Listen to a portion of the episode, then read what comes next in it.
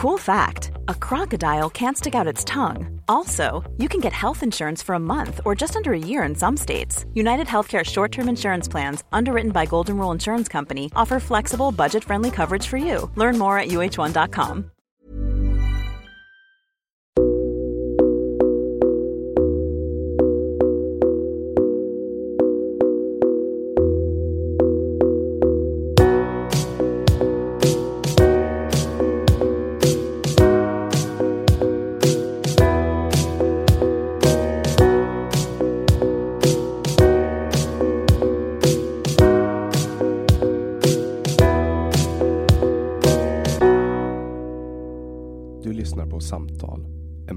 podcast med fokus på fria samtal.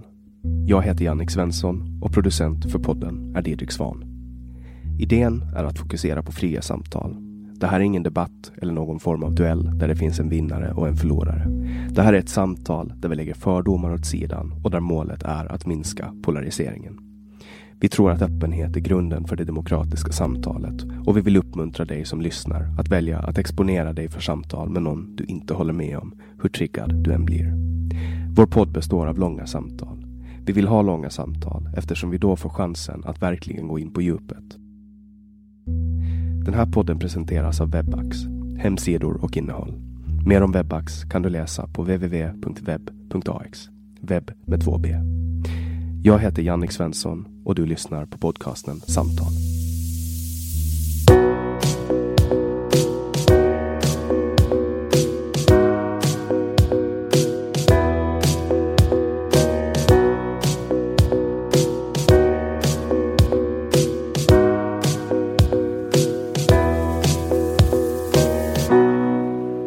Tino Sanandaji är doktor inom nationalekonomi och forskare vid Institutet för ekonomhistorisk och företagshistorisk forskning. Han är också författare till boken Massutmaning. Sedan coronapandemins utbrott har han varit en profilerad kritiker av Sveriges strategi. Välkommen hit Tino. Tack. Det är väl det som de flesta känner dig som, nationalekonom. Mm, ja, jag antar det. Jag vet inte vad de känner mig för. Det är så, det är så jag uppfattar det i alla fall. Att... Jag tror, jag tror att de vet att jag är ekonom. Jag tror inte de vet att jag är forskare alla. Det är något forskare, något folk tycker är komplicerad och sådär. Men det är en kille som är i debatten, tänker de. Jag vet inte. Det är klart, min självbild förstås att jag är forskare. Det är, är, man, är man det så är det helt eh, allomfattande. Medan det här med att vara i debatten är ju, en, det, är ju en, det är ju en detalj. Det är ju en sidogrej man gör. Men för allmänheten så är forskningen, det är väldigt de blir väldigt besvikna om, om de frågar om forskning. De tycker det är mycket roligare med diskussioner och kommentarer och sam om samhället och sådär. Mm. För du är ju med i ganska mycket tv-debatter och så, som nationalekonom. Ja. Men egentligen, visst, som nationalekonom eller som intellektuell, eller vad ska vi kalla det? Jag menar, vi har ju inte Eh, haft historiskt heller någon sån här indelning. Att, och det tycker jag, jag håller en del på att försöka skapa. Att du ska hålla dig till det, det här. Okay. Så, sen ska jag säga, du sa att jag bör, var kritiker sedan början. Det är inte riktigt korrekt. Jag sa inget i början, för jag hade ingen uppfattning eh, i början. Utan jag, som alla andra, väntade och lärde mig och såg. Och så så jag, det tog mig ett tag innan jag för det första insåg att Sverige hade den här strategin, för det var ju otydligt att de skulle avvika så mycket från omvärlden. Det skedde i ett komplicerat sätt. Och för det andra för att sätta mig in och läsa studier och sådär och sen bli kritisk. Så i början så skrev jag bara generellt och bara om att det här sker i världen och så. Du har också skrivit i boken Massutmaning. Mm. Det var 2016? Ja, 2017 kom den. 2017. Och inför, inför det här samtalet så, så har jag läst din bok. Och eh, jag förstår att folk blir, alltså för att du har ju fått en del kritik för den. Vänta, vänta. Uh, jag har ju huvudsakligen fått extremt många positiva recensioner. Jag har inte fått någon seriös kritik för den boken. Nej, och det, det, här, det är det här som är det roliga. Den kritiken som har kommit mot din bok, som jag ser det ur ett utomstående perspektiv, är ju främst folk som um, inte tycker om den data som du lyfter fram. Uh, mm. För att jag har kollat upp din data så gott jag kan och ser att du vänder liksom inte på siffror. Du säger ingenting som inte är sant. Eh, men ändå har den tagit, ska vi säga så här då, inte mycket kritik, men att den har tagits emot. Det fick en, ja, helt korrekt. Det fick, det, alltså, det, just att det här att jag direkt sa, sa, sa emot, för det här sättet att framea, det är trots allt så att till och med DN och Aftonbladet gav den här boken lysande recensioner. Så blir jag ju irriterad när folk som försöker sätta en negativ prägel tar liksom troll. Det är klart att i ett polariserat land som Sverige kommer en bok alltid få någon kritik och bara säga att ah, det är en väldigt kritiserad bok. Då, då blir läsaren negativ, eller lyssnaren negativ. Ah, det är kontroversiellt, kritiskt. Så här. Det korrekta är att säga att det var en, eh, om man, en bok som över, överlag ganska väl mottagen och sålde väldigt bra och fick också viktigt beröm av andra forskare. Men där det fanns en grupp som i princip alla hade starka åsikter om migrationsfrågan som blev väldigt arga och attackerade mig, ofta personligen. Inte heller boken, utan mig. um, men um, nu kommer den också komma i september på engelska, en uppdaterad version. Den lyfter fram fakta som är väldigt obekväma för det svenska narrativet. För jag som, som finne eller ålänning ser ju den här debatten från håll och ser hur ända sedan jag var liten, jag är född 94, har sett hur den här Eh, debatten är väldigt infekterad och det finns det här narrativet om att invandringen har, har liksom gjort under för, för svenska ekonomin och så vidare. Och sen kommer en doktor i nationalekonomi och säger men det, det, här är, det här är ju det som har hänt. Och så skriver du den här boken. Vad, vad är det som gör att, att folk eh, blir, tycker att det är så obekvämt att läsa de här sakerna som, ja, som du faktiskt skriver då, Folk tycker ju inte det, utan en minoritet i Sverige tycker ju det. Utan de flesta tycker jag att det är jättebra att eh, man lyfter fram data. Och vi har ju data också som visar att frågar man folk är det ett bra förslag att minska flyktinginvandring, då är det av de som svarar, två tredjedelar svarar ja. Men bland eliten inte minst, och journalistkåren, och eh, politiska eliten också, så fanns det länge en extremt stark mm, politisk korrekthet och det fanns en föreställning om att eh, eh, man ska stoppa det här och att de på något ville också stoppa Sverigedemokraterna och var andra som de uppfattat som rasister. Och för, eh, eh, deras metod att stoppa den kritiken mot vad de upplever som rasism och riktig rasism. Även om den riktiga rasismen är nog en minoritet. Eh, lång, en liten minoritet så var deras respons att bara säga allt är fantastiskt och liksom ösa på med propaganda om hur bra invandringen är. Det enklaste sättet för dem att motivera sin värdegrund och sin som policy då som egentligen härleddes mer från känslor.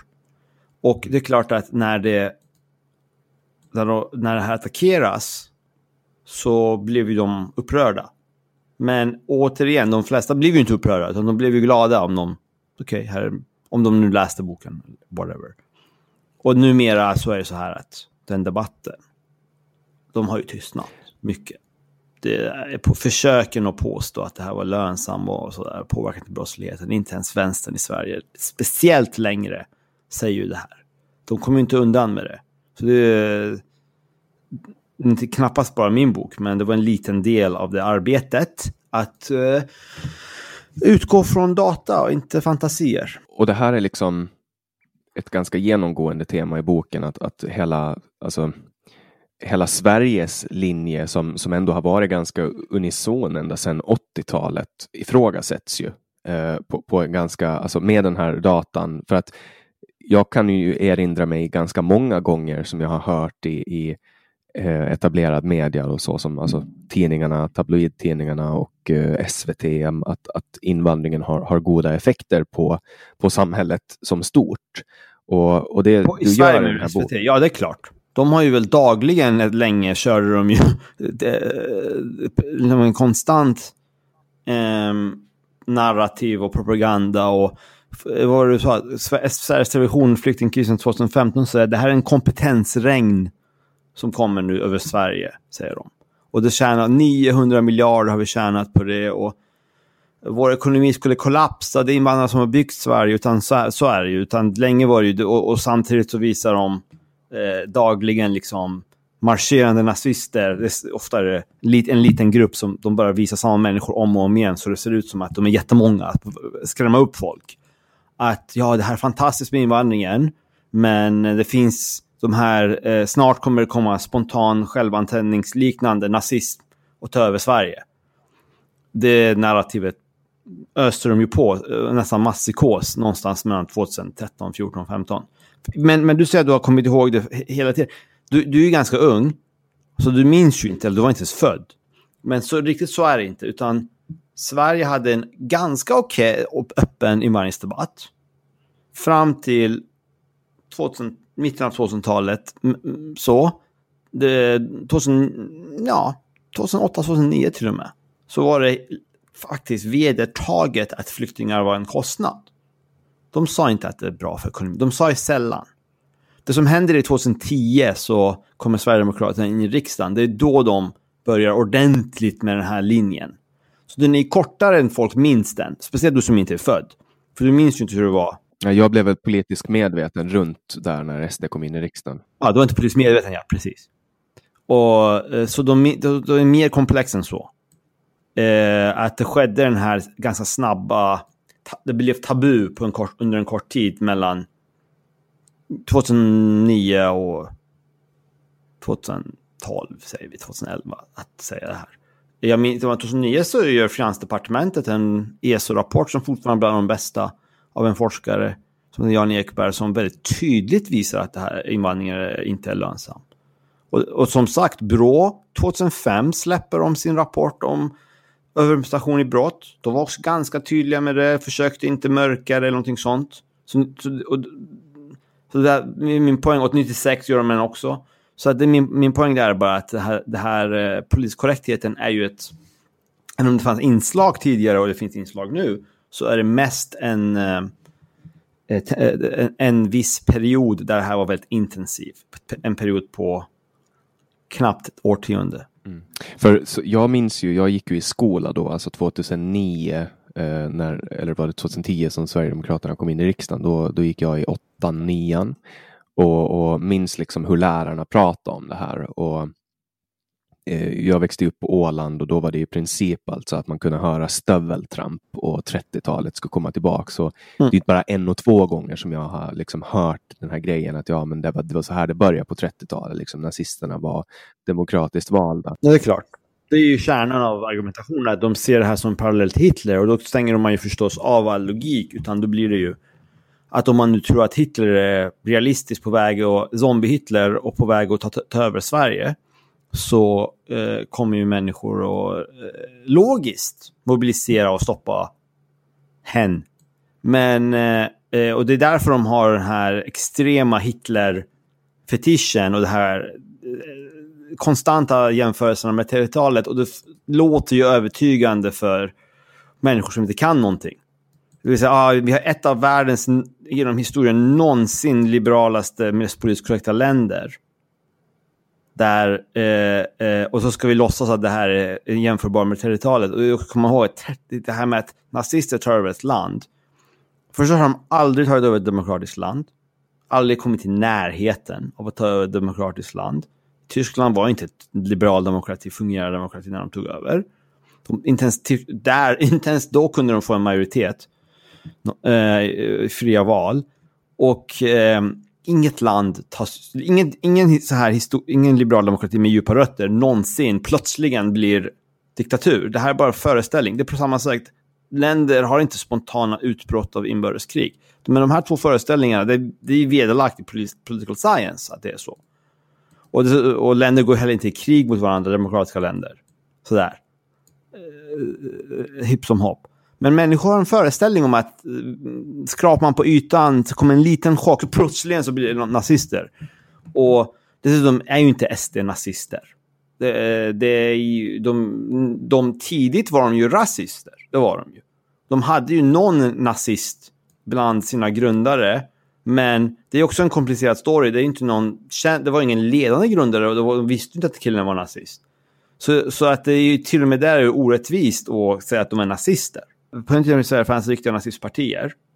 Alltså tidigt 90-tal, slut på 80-talet.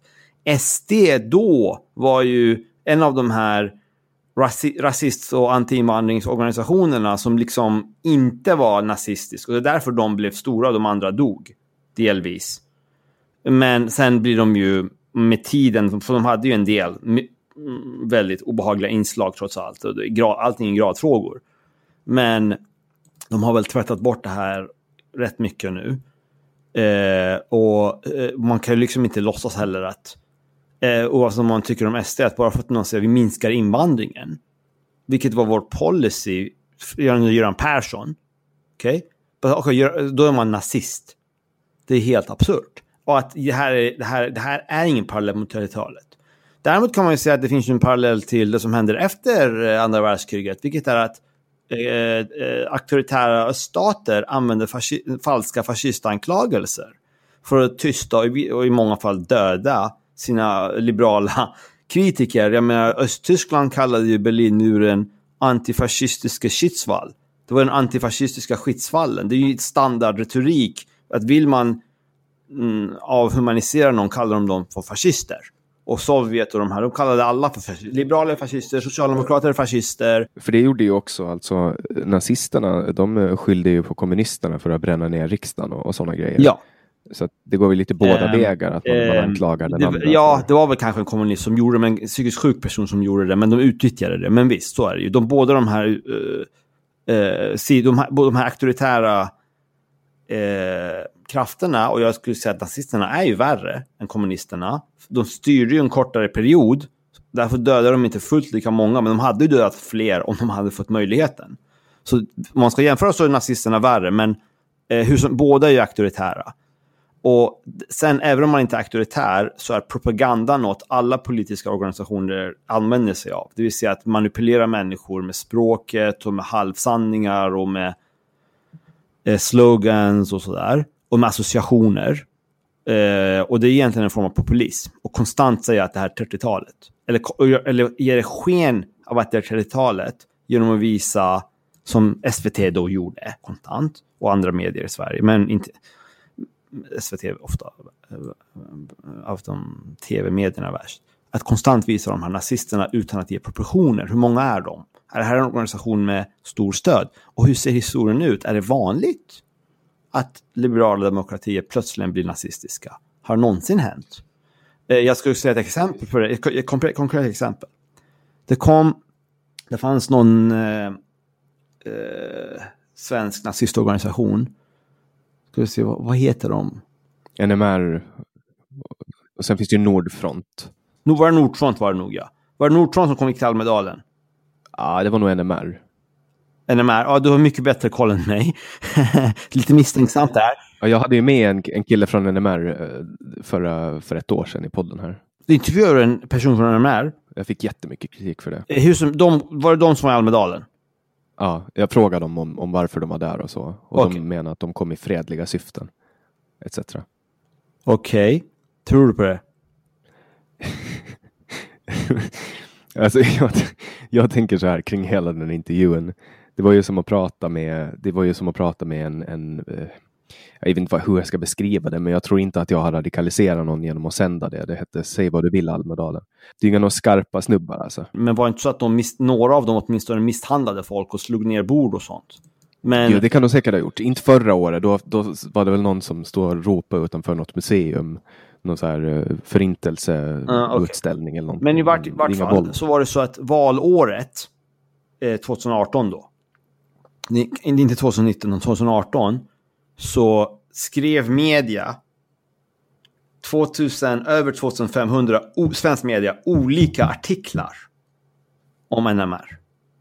Okay? Det vill säga att det var liksom en huvudfokus, eller, eller en stor fokusfråga i sommaren 2018 inför valet. 2500 olika artiklar av olika tidningar, SVT, DN och de här. Och det var långt fler än hur många väljare de fick. Och det är ju ganska ovanligt tror jag att ett parti får fler artiklar om sig skrivet i landets medier än de får väljare. Min poäng är bara att media medvetet gav de här krafterna alldeles för mycket uppmärksamhet för att ge allmänheten sken av att det här var en massrörelse som hotade demokratin. Och Stefan Löfven, tror jag valet, EU-valet säger att eh, eh de, de skulle skydda Europa, demokratin i Europa no, på något sätt. Det vill säga att demokratin var hotad, tyckte var, var Socialdemokraternas budskap i EU-valet 2019. Då skulle de rädda demokratin. Och det tycker jag är ett häpnadsväckande påstående. Och någon frågade vilka länder demokratin hotade i då. Bland annat nämnde de Danmark. Och jag tycker att det är faktiskt vetenskapligt oseriöst att, stå, att Sveriges regering står och påstår att demokratin i Danmark är hotad. Det finns inget stöd för det. vi har ju, demokratin faller inte samman så lätt. Demokratin med, stor, med djupa rötter. Det är skrämselpropaganda. Att, att, att låtsas som att till exempel, jag vet inte, eh, brittiska Tories eller whatever är eh, hot mot demokratin. Eller att rösta på Moderaterna är ett hot mot demokratin. Och i Sverige har det blivit väldigt vanligt med den retoriken. Att eh, kanske corona, under corona har det sjunkit, men innan corona. Att allting som, att, att, att, att rösta bort Socialdemokraterna är ett hot mot demokratin. Eh, och, och, det är ju ty typisk populistretorik, det är vänsterpopulism. Och, och jag, jag, tycker att det finns en historia här. Och jag menar, det här är absolut inte liberalt. Liberalismen är ju den riktiga liberalismen, som jag är liberal, klassiska liberalismen och så. Där är ju viktigt att va, va, försöka va, betona också den sortens hederlighet och intellektuell hederlighet och intellektualism helt enkelt. Att, att, att skrämma som Hitler gjorde, han skulle använda sånt, eller som, vi säger inte Hitler, det är så, för det är så tramsigt. Vi säger att, att skrämma upp folk som någon populistledare i Brasilien eller Ungern, det är ju fel att trycka på deras knappar liksom och rädslor och paranoia och sådär mot utlänningar eller mot judar eller vad det nu kan vara. Eh, eller mot eh, guvernörerna i Brasilien eller whatever, eller mot rättsväsendet. Det gör ju populistledare. Eller Erdogan eller Putin. Eh, det är ju fel. Men det är ju lika fel när de sitter, vänstern då, i, i olika länder, vänsterliberaler, socialliberaler, och, hit, och gör den här manipulationen där de seriö, seriöst övertygar, skrämmer upp allmänheten att vi hotas av nazism. Det var ju en mätning, Zoom-mätningen, där de frågade svenskar, det är några år sedan. Vad är största, vad oroar dig mest? Nummer ett var klimatförändringar, nummer två var nazism. Så kom liksom allt annat sen, då kom igen är det jämförbart risken att nazismen tar över Sverige med? Det, det här är bara att media har skrämt upp folk. Hur ser du på Alternativ för Sverige? Nej, men det är inte speciellt seriöst parti och de är mest att de, det här är någon form av personlig konflikt mellan eh, dem och SD. Och det, finns de kvar ens? Jag vet inte, då finns ja, de, de fick 20 290 röster. Ja, det är inte speciellt mycket ju. Ja, men det är nästan, det är 66 procent av Ålands befolkning i princip. Vad sa du? De fick, vänta, se inte siffran, se om jag minns det rätt. 0,26 eller något sånt. Vad fick de? 0,31. 31, okej, okay, lite mer. Eh, ja, det, men det är 0,31 för ett parti, för, för, givet de, de hade jättemycket sociala medier. Det här är ändå ledaren för eh, sociala, Sverigedemokraternas ungdomsförbund det här är liksom, det här är missnöjda sverigedemokrater som tycker att Sverigedemokraterna har blivit för PK. Okay? Det, och, och, de trodde ju att det fanns en massiv rörelse som tyckte det, men det fanns aldrig. Det fanns, alltså, Sverige, må, alltså, många sverigedemokrater tror att, eh, eller aktivister, att allmänheten upp, inte röstar på Sverigedemokraterna för de uppfattar dem som alldeles för PK. Det är väldigt oklart vad de, hur de har kommit fram till det här. Men de tyckte de att vi skulle gå dem ännu mer åt det här etnonationalistiska hållet och få dem röster och de ska hylla Putin mer och sådana här saker. Trodde de ju då. Det var väldigt jobbsvårt då. eh, jag är ju väldigt irriterad på både SD och deras anhängare för de har verkligen saboterat vatten. Medan vi andra försökte få, eh, få en sans så blir det väldigt svårt när du har de konstant, jag pratar inte om deras väljare, men många av deras företrädare aktivister konstant hyllar Putin, hyllar säg konstiga saker, skjut invandrarna, det kommer hela tiden de här skandalerna och den här... Eh, så, så, det finns ju med, det, det, är ju det, det är inte så att svenskar någonsin jättemycket gillade invandringen. Däremot ogillar ju svenskar, för de är humanister, de ogillar ju rasistretorik och de gillar, ogillar haverism. Det var ju det som, det mesta av PKismen var ju aldrig att det var en genuin rörelse, nu vill vi ha, vi vill jättegärna ha mycket fler lågutbildade analfabetiska invandrare från tredje världen. Så var det aldrig. Men däremot fanns det en stark att man ville se, hålla, hålla, täppa till truten på rasisterna. Så ju mer rasisterna då går ut och svamlar och säger dumheter, desto starkare blir ju PKismen. De, de, eh, det är en katalys katalysator för den. Vilket de aldrig förstår, radikalerna. Nu har ju det här sjunkit, tack och lov. Det vill säga SD själva, eftersom de gjorde ett dåligt val 2018, kanske fattade att det, var inte, det var, fanns ingen efterfrågan på prat om hur är judar svenskar eller prata om hur mycket de tycker om eh, Putin på olika sätt. Eh, eh, eller vägrar fördöma honom och sådär. Eller het, allt möjligt annat konstigt då. Det fanns aldrig någon efterfrågan på det. Vad svenska väljare vill ha, det är att vi har eh, en rationell fungerande migrationspolitik och vi minskar brottsligheten och, och så vidare. Det är sådana här frågor de bryr sig om. De har aldrig efterfrågat den här alt-right eh, alt-right-idéerna. De själva tror det, men det tror ju alla ideologer. De utgår från att jag har rätt och min ideologi är rätt. Så tror de att alla andra vill ha det här, bara jag förklarar det för dem. Och sådär. Det är ju vanligt. Att de blir... De, de, de är väldigt svårt att prata med sådana människor. Och övertyga dem. De tycker alltid att om de inte lyckas så är det för att de inte var radikala nog. De ska bara bli radikalare och radikalare. Då lyckas de. Och idén att deras radikalism totalt har motverkar syftet för vad de vill ha, utan då får man ju ännu mer av det de inte gillar. Det fattar de inte. Blir du eh, ofta kallad rasist? Extremt sällan. Däremot får jag extremt många som säger åh, det, det är så... Sånt fråga som du. Jag, jag får, så, det, jag, så, så det, det, finns en föreställning att jag blir det, eller det är samma sak, det finns en föreställning att jag får massa grejer. Jag, jag, jag blir däremot väldigt eh, oförtjänt mycket hyllad och berömd. Som jag går på stan före corona. Så kunde det komma fram på en vanlig dag, tre, fyra per dag. Kommer fram och bara ah, tack Tino och sådär. Och det hade jag aldrig förväntat mig att det skulle vara så. Det kan ju komma 25 på en dag också om, det på, om jag går ut på nattklubben och på Almedalen eller någonting sånt. Men hur som helst. Uh, det, jag, jag, ska säga, det kanske har kommit fram till mig 10 000 personer de senaste åren. Ingen har varit otrevlig, inte en person. Däremot, det har varit två, de mest kritiska, sa ah, jag respekterar dig men jag håller inte med dig. Det var de två, det var två gånger, det värsta. Så all, det har aldrig kommit fram till någon som sagt till mig, du är rasist. Eh, jag får ju då och då, men ytterst sällan får jag någon sån meddelande. Men som sagt, det är en på tusen. Det här är en föreställning folk har, att det mm. funkar på det sättet. Det är för att de ja, det, är ju för att det, fin det, finns ju ett ganska tydligt narrativ om vad man får prata om och vad man inte får prata ja, om i Sverige. men det, det här är ju en djup fråga, men en komplex fråga.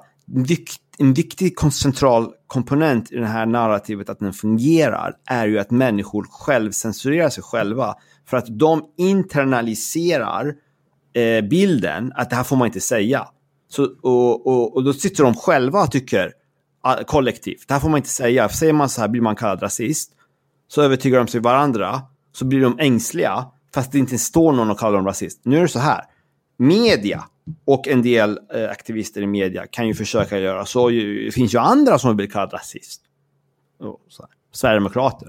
Jag är invandrare, så just den attacken är inte, det är inte så vanligt att säga till mig att du är rasist. De, de, de, vad de säger till mig är, om de ska attackera mig, eh, säger de att jag hittar på, de säger att jag, jag, jag har en agenda, jag går Sverigedemokraternas agenda, och så säger de eh, mm, insinuerar bara helt enkelt att, det, det, att jag, det är någonting mörkt och sådär. Det är väldigt otydligt egentligen vad de säger när jag tänker efter. Eh, men men, men här, de här personerna är ofta väldigt, ganska få, de är inte jättefå. Eh, hur många procent av befolkningen skulle man uppskatta det är av de som deltar i debatten? De flesta vet ju inte vad förstås de gör. Och så. Det är kanske 20 procent på sin höjd, även i Sverige, som är sådär fientliga. Kanske lägre. Eh, utan de, de, de, de har dock de andra svenskarna tillåter ju de här högljudda för de har också väldigt mycket makt förstås i media, att eh, eh, få en tolkningsföreträde och så accepterar de den bilden att de är överhet. Så jag blir faktiskt, jag har skrivit många, jag blir mycket mer irriterad folk som kommer fram till mig och säger Åh, jag tycker så synd om dig, du, du, har så mycket skit, och alla hatar dig. Vad snackar du om? Det här är bara dina, din ångest du projicerar på mig och försöker klä mig i en offerkofta eh, som inte jag själv ser från mitt perspektiv. Och jag vet ju också varför många svenskar blir tyst. För de är väldigt rädda för det här. Fast delvis är det bara in their imagination. Och då har ju de satt den bilden. Då räcker det ju, då behöver inte ens karaktärsmörda speciellt många. Det räcker att du karaktärsmördar lite grann, så räcker det att de andra ska bli tysta för de är bara rädda för att bli karaktärsmördade. Det är väldigt onödigt. Å andra sidan, det här kan inte, det är inte vänsterns ansvar. De får själva sluta bete sig som eh, slagna hundar. Hur ser du på din roll som, som nationalekonom? Vad har en nationalekonom som, som roll i samhället? Som, mm, som det var en mycket bra fråga. Jag, nationalekonomens roll i samhället, det är att vi, det, vi ska vara the bastion for reason. Nej, men nationalekonomen har en viktig roll i samhället. Det är för att, för det första, eh, är nationalekonomi den utan jämförelse största samhällsvetenskapen i termer av antal personer. Och det här är lite en historisk utveckling är det så att nationalekonomer behandlar ju långt fler frågor än ekonomi. Det var ju så från början också, men så har det, det här imperialismen expanderat.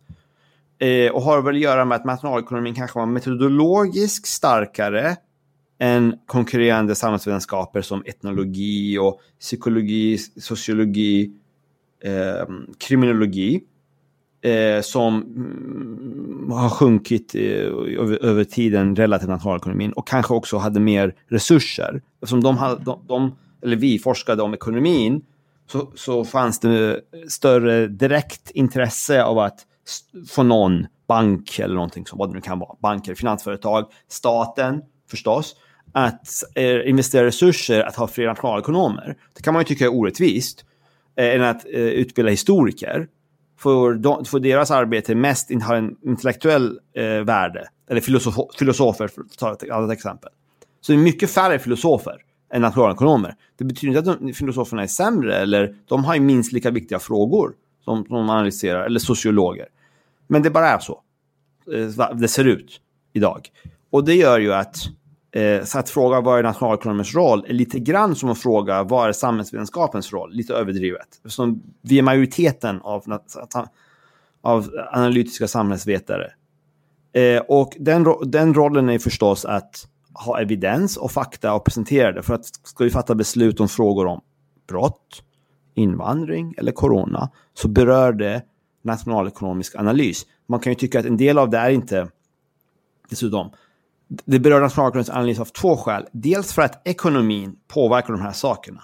Men också för att massor med nationalekonomer har en statistisk och analytisk verktygslåda. Men i själva verket forskar om andra ämnen. Till exempel då finns det i statsvetenskap massor med personer som är nationalekonomer i träningen och svarar på statsvetenskapliga frågor. Och eh, eh, historiskt har det varit så att i Sverige också nationalekonomer haft en väldigt stark roll som intellektuella. Från Eli Heckscher och ehm, eh, Stockholmsskolan och allt möjligt. Vi har haft massor med Myrdal, vi har haft massor med eh, Olin, eh, tunga personer och mm, det har kanske sjunkit lite. Men även, och sen förstås, jag gick ju, studerade i University of Chicago, där hade man också väldigt många Milton Friedman och Gary Becker och allt sådär. Och sen Keynes. Eh, som av, av, olika länders ledande intellektuella så är ju en hög andel nationalekonomer. Och eh, den, den rollen är huvudsakligen att, anser jag, att erbjuda, plikten att delta i samhällsdebatten och erbjuda datagrundad, evidensgrundad och eh, logisk och eh, icke så, vitt, så, så, så vitt det går, icke-partisk analys och göra det med, med använda vetenskapliga eh, vetenskaplig etik och förhållningssätt. För att människor är ju inte programmerade för att vara objektiva. Vi är programmerade för att vara emotionella och vi är absolut inte programmerade för att lätt kunna stå, förstå samhället och komplexa frågor. Liksom, vi är, liksom, vi, vi är ju jägarsamlare, utvecklare för att leva i grupper på 50 och liksom springa runt och kasta spjut på gaseller eller fiska eller whatever. Det, det, det, det är ju vad vi är. Vi, vi, det är väldigt konstig situation för oss. Vår hjärna är liksom inte designad för att vetenskap i grunden. Utan den kan tränas till det. Är det därför alla forskare är så konstiga? Det, det, det, är snart, det har en kognitiv förklaring, gissningsvis, att de är så konstiga. Det är en rolig sak eh, när vi pratar om nationalekonomer är till exempel, det är lite slående, alltså ditt sätt eh, och om man jämför det med typ den andra eh, nationalekonomen som, som håller på med liknande saker som du, alltså det vill säga Joakim Roist. Ja. Eh, ni båda har en ganska så här jag tänker på det här klippet när han är med i SVT. Du vet. Ja, det var ju väldigt intressant klipp. Ja, för man ser verkligen på honom hur han blir extremt förvånad. Alltså bara för att förklara bakgrunden för, för lyssnarna. Ja, mm, bra att förklara han, han eh, är där för att förklara, de har räknat på vad invandringen kostar i siffror och, och så. Och det här var liksom under valåret. Och då börjar SVT-reporten ifrågasätta varför de gjorde det liksom under valåret. Att det inte är lite så här, kan inte göda vissa partier och liksom insinuera att det här hade liksom skulle gynna Sverigedemokraterna. Har du tagit hänsyn, ja. Mm. Ja, och, och, han blir ju så, så ställd, alltså hans reaktion är ju legendarisk. Ja. För han, han förstår ju verkligen inte relevansen. Ja, det, jag, jag ska, jag ska, det, var, det är korrekt. Nu ska jag delvis vidareutveckla och delvis sabotera din anekdot. Mm. För att det finns en, eh, eh, ännu värre och det är därför han reagerar så. Han har förklarat på sin blogg också. Det är för att eh, de, de, det här är då ESO. Det är en underavdelning av Finansdepartementet. Det är väldigt, väldigt prestigefylld. Jag har gjort ESO-rapport också, men inte om invandring utan kapitalskatter och sånt. Eh, och det är, det, det är liksom de där ESO-rapporterna ger man till forskare som kan ett fält och så sitter de och gör en form av halv peer review men som är väldigt stringent på dem. Och andra riktiga forskare sitter och har konferenser och sådär. Det är samma dag som han är på tv så har han haft en sån konferens. Så då vet ju alla forskare att det här är seriöst. Det här är väldigt... Om, äh, det är ungefär, det, någonstans så representerar det här forskarbilden. Det finns ju, inom det finns det ju variation och utrymme för att ha olika uppfattningar. Men det är inget som står där som är nonsens, liksom. Eller ifrågasatt eller charlatani. Okej. Okay. Så, han, så har både Sveriges Radio och Sveriges Television vill ju, ha, eh, eh, vill ju så att säga skjuta ner det här och framställa hans ganska milda moderata nedtonade rapport som något väldigt kontroversiellt eftersom deras narrativ är att invandringen är lönsam. Då kan inte han komma och säga att det är en kost, nettokostnad fiskalt. Då bjuder de en eh, väldigt oseriös person som inte är forskare som heter Skocko. Som är, jobbar åt en socialistisk tankesmedja. Har ingen forskarutbildning, inga forskarmeriter. Men... Han är väl ekonom? Ja, han har magisterexamen i ekonomi. Ja. ja. Och folk tror ekonom, då är man ju forskare. Nej, det är olika saker.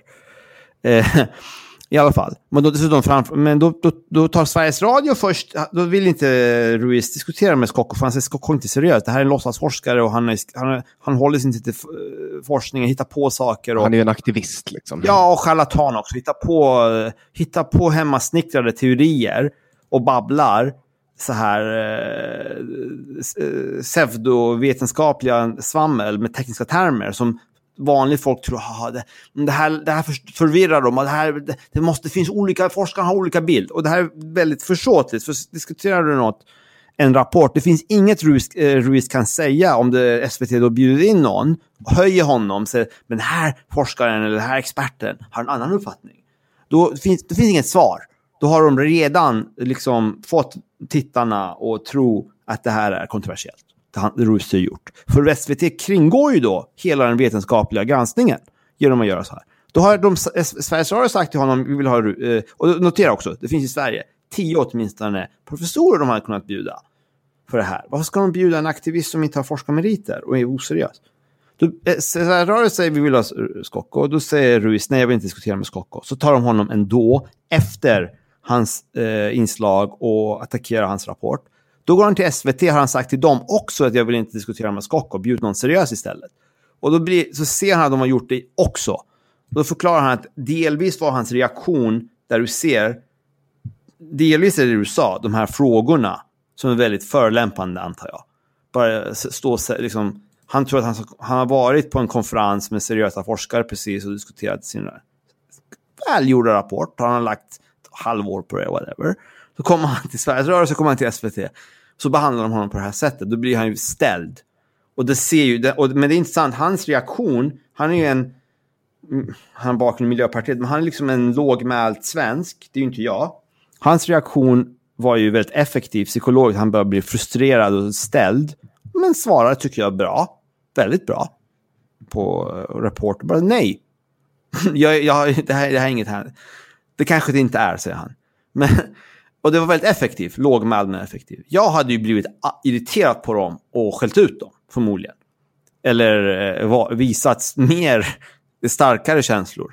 Frågan är, hans metod kanske är effektivare, men hur som helst. Så det, hur som helst är det så att SVT försöker med här också med mig flera gånger. Och jag vägrar ju gå på program när de försöker göra sådana här fällor och bjuda mm, pajasar. Eh, det, bjud en professor då, bjud inte mig, bjud två professorer. Ni försöker ju bara framställa, jag vet exakt vad de håller på med, jag har jobbat på SVT. Jag vet exakt hur de tänker när jag var ung. Och jag vet exakt hur de lurar folk. Och lite grann har de gjort det, nu kanske du kommer till det här sen. Men att lite grann är det samma sak i corona. Deras sätt att välja experter är ju, eh, eh, sätter ju framingen och då kan de framställa totalsvammel som inte riktigt, det är inte riktig forskning, det är bara påhitt. Eh, som att det skulle vara sanningen, eller åtminstone så skulle det vara en referenspunkt. Och så kommer den riktiga forskningen och säger ja men sanningen är minst emellan, eller både, eh, det, det här är kontroversiellt.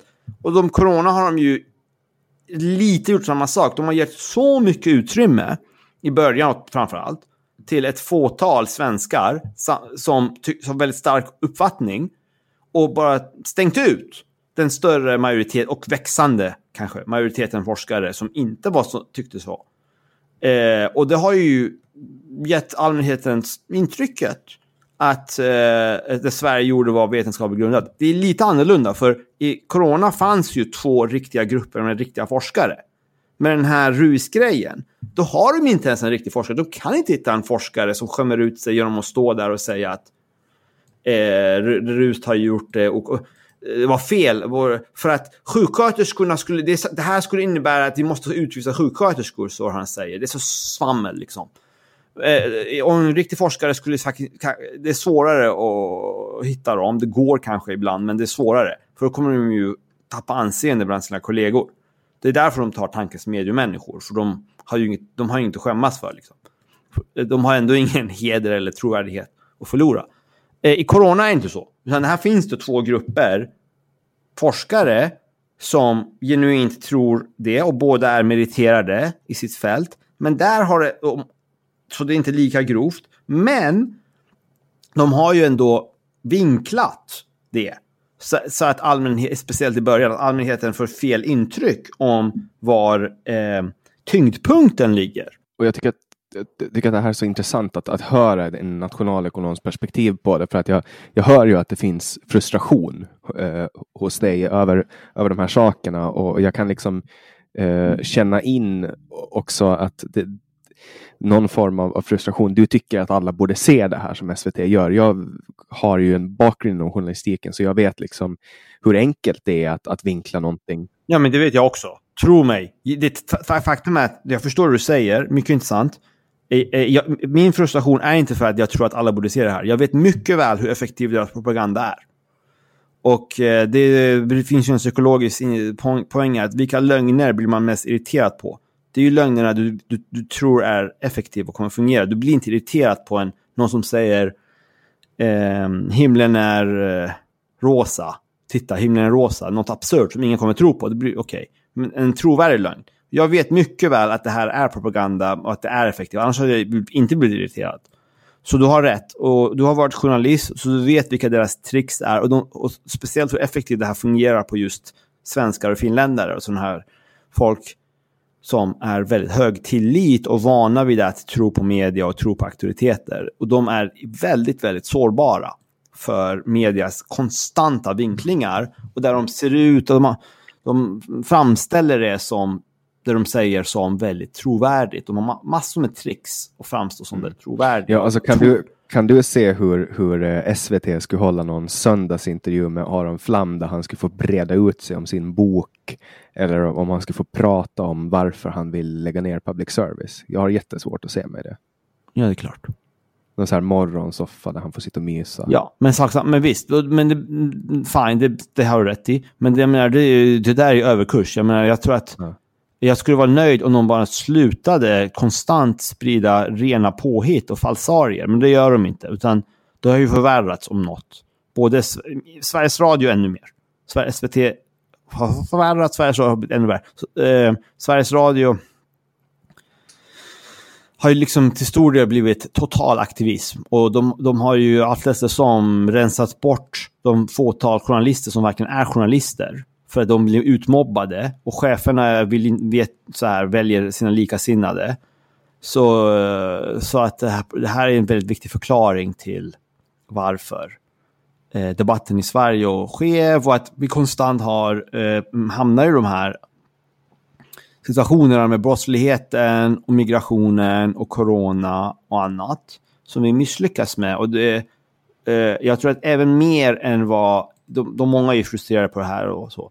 Men jag, jag, skulle säga att medias roll är ännu viktigare än många tror. Det, det, är media som har skapat det här. Det är inte politikerna i första hand. Och kanske då kan man säga, det är egentligen allmänhetens fel. För de tror ju så lätt på media. Det är, det är klart att de fortsätter tro på det. Om, om, alltså, ja. Man har liksom SVT och SR som säger att vi står för oberoende journalistik, ja. vi är oberoende ja. etc. Jag har en ganska rolig grej som jag såg en skoluppgift i en svensk eh, skola där man pratar om fejkade nyheter. Och, och, det här var alltså då de använde litteratur, litteratur, eller inte litteratur, men bilder och film från, jag tror det var SVT eller Sveriges Radio, det var SVT.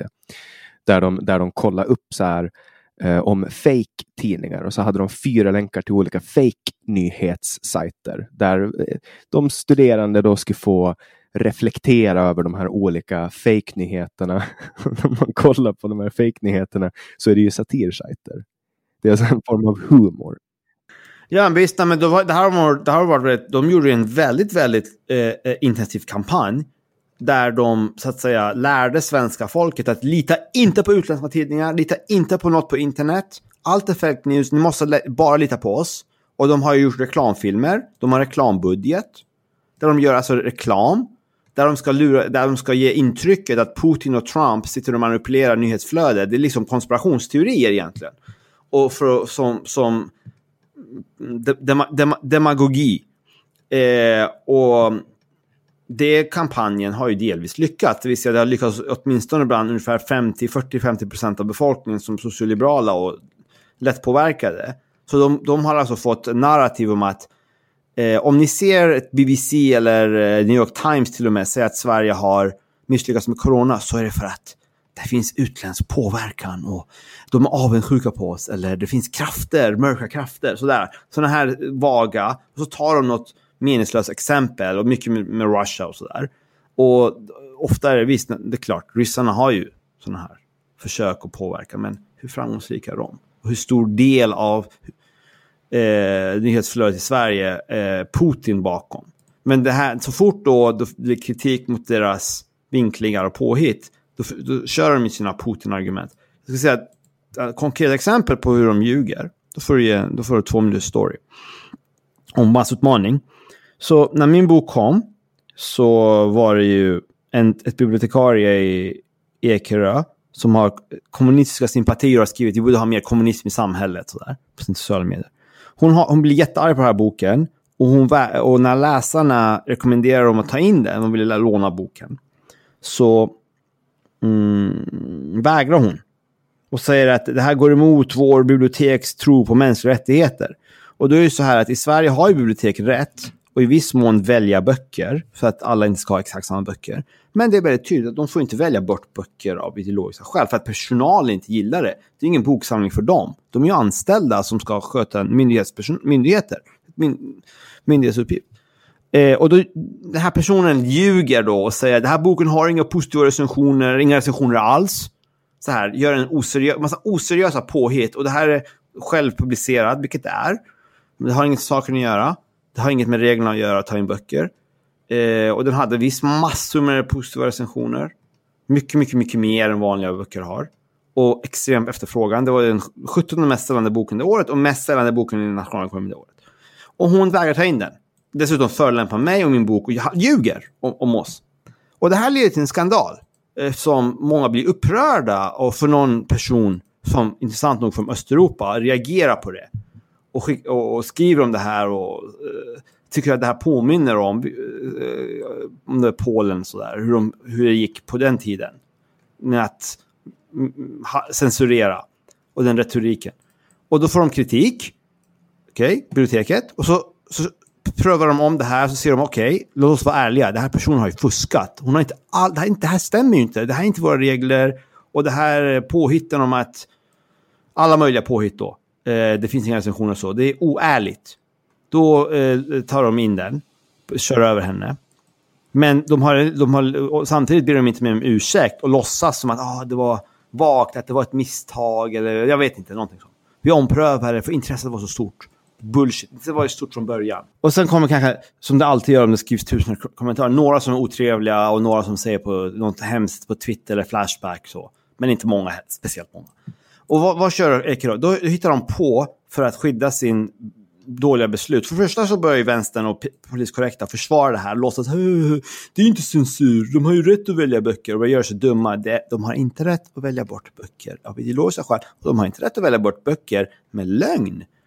Eller hur? Du kan inte bara säga att ah, den här boken uppfyller inte våra kvalitetskrav för att, jag, för att en, du är kommunist och inte gillar innehållet. Det är orimligt. Och utmåla mig som att jag är hot mot yttrandefriheten. Och jag har jobbat på bibliotek, på Handelshögskolan som student. Okej, okay. jag gillar, gillar, brukade gilla bibliotek. Och, men i alla fall, det här beteendet, och det är många bibliotekarier beter sig väldigt illa här. Men, men vänta. Eh, då ska de försvara sig. Då hittar de på fake news och säger att mina läsare har en hotkampanj med dödshot och hat och hot, för det här är något som skrämmer folk. Och vi har tvingats ta in väktare och den här bibliotekarien eh, påstår att vi, har fått sluta sitt jobb på grund av alla hot. Okej, okay? det här var media, DN och börja med det här och andra. Och så fanns det andra stories om att någon nazist någonstans i Sverige har hotat bibliotekarier som inte har något med mig att göra, helt orelaterade. Då bakar de in de här. Då börjar media med den här fake-kampanjen. Och det här, de har inte tagit in väktare, de hade väktare för en orelaterad event för att de hade barn där och hög ljud. Ingen, det finns noll konkreta hot från mina läsare. Det finns noll anmälda hot, Arbetsmiljöverket. Det finns aldrig hittat någon e-mail, någon incident. Jag har frågat dem, de vägrar svara på det. Och förstås så, ingen polisanmäld, ingen, noll hot som någon kan visa på. Knappast några dödshot. Och den här bibliotekarien säger inte alls upp sig för att hon är hotad. Hon säger upp sig för att hon, det står ju artiklar För att hon är arg för att biblioteket körde över hennes odemokratiska beslut. Hon säger inte jag är hotad, det är efterhandskonstruktion. Eller hon, själv säger hon inte hon det, utan antyder det och media låtsas då.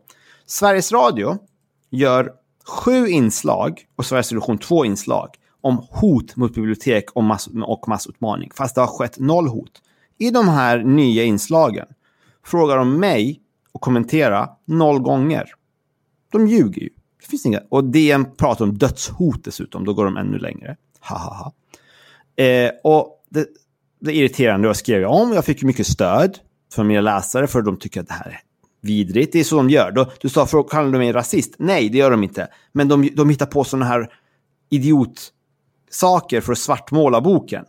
Sen gör de en uppföljningsartikel, Sveriges Radio. Då går de till Ekerö och sen eh, säger de en, gör de en eh, artikel om att ja, ah, mm, foliehattsgrej om att jag, jag, jag har sålt böcker genom att mina läsare går runt och hotar bibliotekarien att ta in det. Så här, har inget med verkligheten att göra. De här journalisterna som tror på det här är ju både på Sveriges Radio, som var, vars lön betalas med skatt, både korkade och fientliga och det är liksom löjligt att tro att det fungerar på det sättet. Och då ska de köra att ingen vill ha boken. För den har ju bara blivit lånad, vad är det nu, 12 gånger på ett år. En månad i taget? 12 gånger på ett år? Ja, det är ett, ett, det är ett, det är ett exemplar. De, de är ju otydliga med det. Biblioteket har ett exemplar, du kan låna den en månad i taget. Så den har varit utlånad 100% av tiden den har funnits? Ja, det var inte riktigt så för att ibland hade någon lånat det kortare än en månad. Men det var ju väldigt väl stark efterfrågan på den. det var det ju 12. I snitt är det ju ett, en gång per år som en bok lånas ut. Det här var ju 12 gånger snittet. Ja, som du säger, det var ju ganska nära maximum. Och sen säger de under sommaren nästan inte alls. Då frågar reportern, mejlar, vadå nästan inte alls? Hur många gånger? Eh, vägrar svara. Jag kontaktar biblioteket. Tror var, svaret var, jag minns inte, men jag tror det är sex gånger. Nästan inte allt kallar de. Alltså, när det är sex gånger snittet, eller tolv gånger egentligen, som det var en eh, kort period. Okej? Okay? Total lögn och bara smutskastning. Och det här, hö, hö, hans bok blir bara utlånad tolv gånger. Då går de ut på Twitter och säger det. Utan att säga, de här svenska journalisterna. Utan att tala om att det är ett exemplar av boken de pratar om. För att ge sken av att ingen vill ha min bok. Det är så här. Jag bryr mig inte. Om, man, om jag kan skriva en bok som ingen läser, fine. Det är okej, okay, det bryr jag mig inte om. Det, det, är inte det jag stör mig på, utan det är deras lögn. Och jag kollade. Boken har varit utlånad 10 000 gånger ungefär. Inte 12 gånger. Men jag kollade upp det. Jag fick göra journalistjobbet. Och den här lögnen som Sveriges Radio ägnade sig åt, det är en illvillig och korkad lögn. Det, och där jag inte jag blir intervjuad. Och när de får kritik på sin kommentarsida, då har folk skickat mig skärmbilder där Sveriges Radio kontaktar dem och säger vi kommer ta bort dig om du fortsätter med det här. Och det här är personer som skriver bara saklig kritik och länkar till fakta. Och så har de ju sina standard äckliga så här svar. Det här är... Eh, vi, vi så här, som svarar som robotar. Vi är oberoende. Sveriges Radio är oberoende. Så där. Då ska de tro att... Eh, när de frågar, men vadå, det här stämmer ju inte. Då svarar de med de här plattityderna. Vi är oberoende. Vi har ambition att alltid rapportera sanningen. Sånt där blir jag ju väldigt arg på. Den här sortens lögner av institutioner som Sveriges Radio eller för den Eh, hos Sveriges Television och, och sådär. Och där det skedde Ekerö bibliotek, för de har en skuld i det här också, för det är deras sätt att försvara sitt dåliga beslut, var ju att försöka smutskasta mig och rida på den här föreställningen att eh, de här, det är ungefär som de här nazisterna i Almedalen, att det här rädslan, att det springer runt brunskjortor överallt i samhället, som en form av pajas liknande paranoid konspirationsteori. Det är foliehattsidéer. Att mina borgerliga välutbildade akademikerläsare springer runt och våldshotar biblioteken för att jag ska kunna sälja tio exemplar extra av den här boken. Att journalisterna tror på det här på Sveriges Radio, jag, jag har ingen respekt för dem. Och när det här skedde, då samtidigt så ville Sveriges, Sveriges Television Agenda ha mig som gäst för att diskutera brott. Då sa jag till dem, det tänker inte jag göra jag kommer inte gå till ert program. Ni är ju oseriösa och ljuger och försöker egentligen smutskasta mig med rena påhitt. Det här är inte en ärlig artikel. Eh, hela storyn, alltså, och de har inte en story, de har ju SVT och Sveriges Radio, nio inslag. Det är som ett skämt, att det, de har lika mycket om de här existerande hoten som ett mindre inbördeskrig i Afrika. Så att sådana här grejer vet ju jag. Jag vet hur Sveriges Television och Sveriges Radio agerar. Jag vet mycket väl hur de agerar.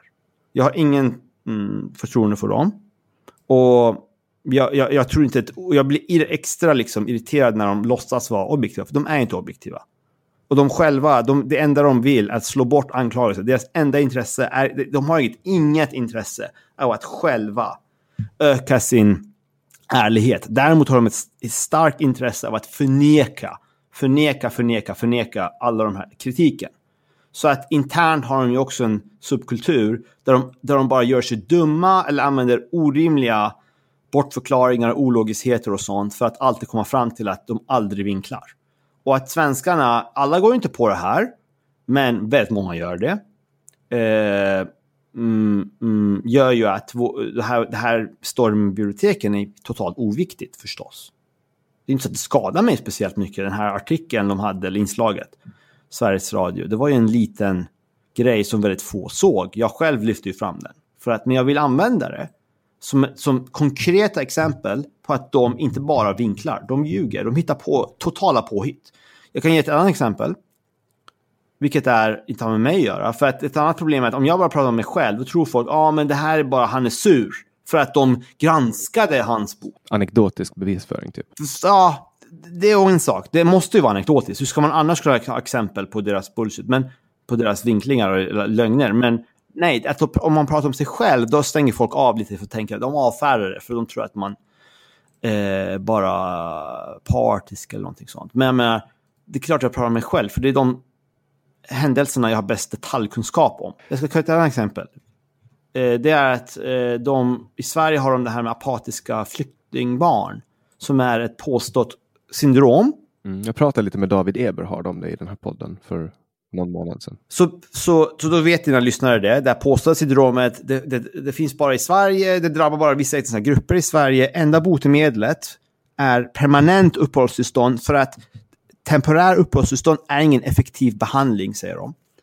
Som att det här, och den här sjukdomen uppstår ingenstans. Man anar lite ugglor i mossen när man hör det påståendet. Ja, och eh, när de säger det så, eh, de, mm, eh, när, eh, det, det är jättelätt att simulera föräldrarna det här. Och vi vet ju idag att det var fake. Det vill säga de har gått tillbaka, det är en liten tidning, Filter, inte, inte SVT eller DN, liten tidning. De har grävt upp de här personbarnen och intervjuat dem som ja, det här var fake. Våra föräldrar tvingade oss. Och vi, vi fick elchocker och allt möjligt av så. Eh, och, och, och, och, svenska vården lät det ske. Så de, de behandlade dem väldigt illa, de här stackars barnen. Eh, väldigt mycket från Östeuropa då, invandrarna som gjorde det. Eh, det. Poängen är att, jag tror det är 2005, så kommer ju, jag kan ha fel om året, kanske 2006, men något sånt. Så kommer ju kritik från läkare som säger att kom igen, det här är ingen sjukdom. Ni, ni, här, de här barnen far ju illa. Fun sjukdomar funkar inte så. Eh, att det bara dyker upp, det finns ju bara ett land och sådär. Eh, och eh, då gör Sveriges Television ett reportage som går ut på att karaktärsmörda de barnläkare som 100% korrekt, och sjuksköterskor och sånt, som 100% korrekt påpekar att det här är fel. Eh, och att eh, och, eh, drar dem i smutsen med lögn och tystar dem. Och, och lurar i folk att ja, halvlögner och rena lögner, att det här fanns också i Norge och det vilket det inte gjorde och sådär. Och de här personerna utmålas som lögnare och så tar de några vänsteraktivister och sånt och framställer dem som sanningssägarna. Som säger nej, det här är en riktig sjukdom. Och de här läkarna och sjuksköterskorna som säger det inte, de är onda rasister eller whatever, lögnare, whatever. Jag, jag minns. Och det här får ju Stora Journalistpriset. Och det dödar ju debatten, SVTs reportage. 2006. Som vi idag vet är fake news. De ljög, de vinklade och det var en eh, polisaktivist som gjorde det här. Eh, så, så, vi vet det här egentligen. Hur SVT ljög om apatiska barn. Och det kostar ju Sverige tio år att vi fortsätter med den här eh, charaden. Vad heter det? Kejsarens nya kläder. Att alla skulle låtsas att det här var på riktigt. Och det, då, då får ju regeringen också backa. Då var det Socialdemokraterna. Så ministern var ju skeptisk. Sen efter det här eh, SVT-reportagen så vågar ju ingen ifrågasätta det här. Och de själva har aldrig granskat, de har aldrig erkänt att de ljög. Och nu kommer SVT nu, några månader innan corona så skedde, så kommer de att göra reportage som visar att eh, sanningen så att säga. Men de, de pratar inte om sin roll i det här. Så svenskar behöver ju bara ta det här exemplet med apatiska flyktingbarn för om de vill ha ett konkret exempel på, på SVTs lögner och hur de ljög. För då, de, det här sättet de ljuger liknar också corona, vilket är du, du karaktärsmördar specifika eh, personer, experter, som säger den vetenskapligt korrekta. Och så tar du någon genom att välja experter. Normalt väljer ju andra experter experterna, för de kan bedöma och sådär. Men nu är det journalisterna som väljer. Och då väljer inte de utifrån den som är, talar sanning eller mest meriterad eller whatever. Så då väljer de den som säger det de, deras narrativ. Och det är väldigt lätt, för det finns alltid någon expert du kan hitta. Ett, eh, som det finns så många, det finns tusentals ju. Eh, professorer och forskare, tusentals till och med. Så hittar du bara någon vänsteraktivist eller politiskt korrekt aktivist eller flyktingaktivist eller någon som bara har starka åsikter om ett ämne åt ett håll och sen genom insinuationer och sånt så utplånar du de andra, utmålar dem som dåliga människor och lögnare och det här funkar för vanligt folk för de förstår ju inte. Vanligt folk kan inte granska detaljerna eller om de kan så har inte de tid att göra det. Så accepterar de det. Och, men titta med SVTs experter, de sa ju att de här, de här barnläkarna, de var rasister. Utan nu vet vi att det här var inget, det, var, det, var, det här är helt på riktigt och blir väldigt emotionella. Och de använder musik, hur de klipper och insinuationer som sagt. Eh, jag tycker att det stora problemet är, eh, det är apatiska SVT-tittare. För år efter år, lögn efter lögn, så går de på nästa. Med massor av de personerna som förstod att SVT vinklade om invandringen. Direkt hoppade på deras coronatåg. Så det verkar inte så att det går liksom. Det är åtminstone inte lätt och lära allmänheten vara skeptiska. Och de utnyttjar ju det maximalt, godtrogenheten. Och det är intressant också att notera, vilka är det som verkligen ogillar det här mediapropagandan? Det är ju iranier, östeuropeer, folk, folk från Turkiet, folk från länder där media gör det här. Och de, har, de är vana att misstro sina statsmedier. Och så ser de i Sverige, och så ser de dessutom att alla andra tror på det här militant på sina statsmedier. Jag tycker att det är lite spännande i, i eh, de här tiderna att prata om, om, om just, just det vi diskuterar nu. Att det finns ett ganska bra exempel och det är ju då Johan Geisecke som är, är före detta statsepidemiolog. Han är då företrädare för eh, Tegnell och han har ju då varit konsult åt um, konsult åt Folkhälsomyndigheten. Det här har ju skapat lite förvirring med att han har i media, åtminstone ur mitt perspektiv, uppfattas som en oberoende röst. Uh, och sen har det visat sig att han att han då har fått betalt för att medverka i olika... Nej, vänta. Du har rätt, förutom att han inte fått betalt. Han har själv fakturerat Folkhälsomyndigheten och ville ha betalt för sina medverkande i SVT och säkert också i andra medier. Men de, sen gav de inte honom betalt. Men i övrigt hade du rätt. Han försökte ja, han, har ju fått, han har ju varit konsult åt dem. Ja, men just och, och han har fräst runt i media. Kolla, ja. han är konsult åt dem. Men poängen är, de timmarna han var i tv och försvarade dem vill, har han själv uppfattat som att han arbetar åt dem och fakturerat. Men sen betal, han fick inte betalt, han försökte få betalt för, för den biten. Mm. Jag, jag, tänker ju på att han ändå har fått, alltså inte just specifikt där, men han har ju varit an, alltså, anlitad av Folkhälsomyndigheten. Jag, jag, jag vet, du, du, har inte fel i, i, din skandal eller vad du vill kalla det. Det, det är bara att man måste vara exakt. Ja, så så storyn är att ja, han är konsult, han ska modellera åt dem, fine. Det är 1200 i timmen, det är okej. Okay. Eh, och då börjar han skicka räkningar. Varje gång han är på tv och försvarar deras strategi så, så, så säger han, ja, han såg sig själv som deras talperson, så skickar han räkningar för de timmarna. Och sen avslöjas det, och just de timmarna han var på tv fick han inte betalt för. Men han uppfattar ju sig själv som en företrädare för dem, försökte få betalt. Och SVT talar inte om det här, utan de utmålar honom som en oberoende röst.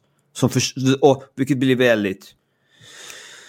Eh, Mm, ja, det stärker ju, för att det stärker ju idén av att titta, alla experterna håller med om att det här är fantastiskt. Men det är klart, om du, om du tar liksom, om du delar upp de här experterna och Folkhälsomyndigheten i fem stycken, och så en dag en, en där, en dag en andra, en tredje, en fjärde, så, så ser det ut så, titta, varje dag slår man på tv så är det en ny expert som säger att de har rätt. Alla är överens. Fast, och, och inte talar om att, vadå, men vänta nu. Eh, den här personen samtidigt skickar räkningar för att få betalt för PR. Eh, så jag håller med om att det här är en miniskandal. Det är ingen stor grej, men det är, det är fult. Och jag undrar, jag är, mer, jag är nyfiken om, eh, vad visste SVT? Hur mycket visste de? För det var ju klart att han, att Giesecke så, såg sig själv som en eh, konsult åt Folkhälsomyndigheten, halvföreträdare. Det går ju att se att i mina uttalanden tidigare än den här skandalen uppdagades. Så hur, vad visste SVT och när visste de det? Sen är Giesecke ju lite som en lustig figur, sådär. Eh, en eh, god gubbe liksom. Han är en meriterad forskare, professor. Han har varit statsepidemiolog och skrivit en bok och så här uppskattad bok om epidemiologier och han är vältalig och liksom en skön snubbe att lyssna på. Problemet är, och så är han lite speciell kanske, men problemet är att hans idéer om, kanske, eh, om corona är fel. De är vetenskapligt fel och väldigt mycket av dem är spekulativ. Och han har en speciell syn, han är väldigt självsäker. Så han säger att han behöver inte eh, läsa forskningen, utan han kan förlita sig på sin enorma, enorma erfarenhet och kan liksom veta saker då genom det här, vad han kallar sin magkänsla. Eller det är självklarheter, tycker han. Och då säger han, det här magkänsla är väldigt märkligt. Citerar, men vadå magkänsla? Det är en ny virus. Massa andra epidemiologer världen runt sitter ju och forskar om det här. Och de har skrivit säkert fler nu, men 15 000 forskningsartiklar. Ett tag sedan fanns redan. Du kan väl inte använda din magkänsla? Och Gisekes förhållningssätt är att det här är en, eh, han ser det här som en influensa. Den beter sig som en influensa. Den är ju ingen influensa, den beter sig inte som en influensa, men han tycker det. Därför utgår han ifrån massa saker som, är, eh, som han tror kommer ske med någon, for, någon form av determinism. Och hans estimat av dödligheten är en tiondels promille eller 0,05 procent dör, påstår han. Eh, så. Vilket är lägre eller samma än en svår influensa. Och så säger han att 99 procent eller 98 procent av de infekterade får inga symptom. Vilket är en väldigt tveksam siffra som han aldrig har citerat någon källa för, men han upprepar den siffran hela tiden. Och vadå? Många andra forskare tror att nästan 1% dör ju. Det är mer trovärdig estimat. De flesta metastudier och så här 0,75, 0,8. Någonstans där ligger eh, infection fatality estimaten. Det här är ju en debatt internationellt. Det finns ju en minoritet som tror på de låga siffrorna. Jag menar att, vi kan gå in på det sen om du vill, att det är överväldigande bevis för att de har fel. Inte minst från ett, vi har de länderna med, och inte bara länder utan episoderna med stora sample som Diamond Princess. Där alla, eller nästan alla testades. Det, det är viktigt. Vi, vi, har också, det är en beviskälla då. Sen har vi regioner där corona har härjat hårt. Bergamo, New York, delar av Spanien, för en delen Stockholm.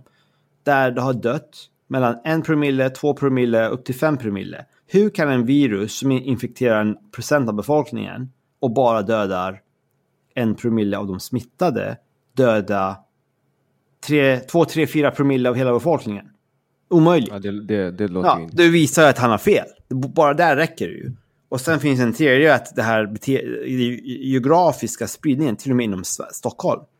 Bara det borde ha förstått, för dem att förstå att det här är fel. För att om det här har, för då tror ju de, det här Giesecke's teori, som verkar vara mm, vad hela Folkhälsomyndigheten tror. Det är oklart hur mycket av det som är Giesecke's idéer. Spelar ingen roll. Eh, han har ju varit mentor åt Tegnell. Sen var det en kvinna mellan dem.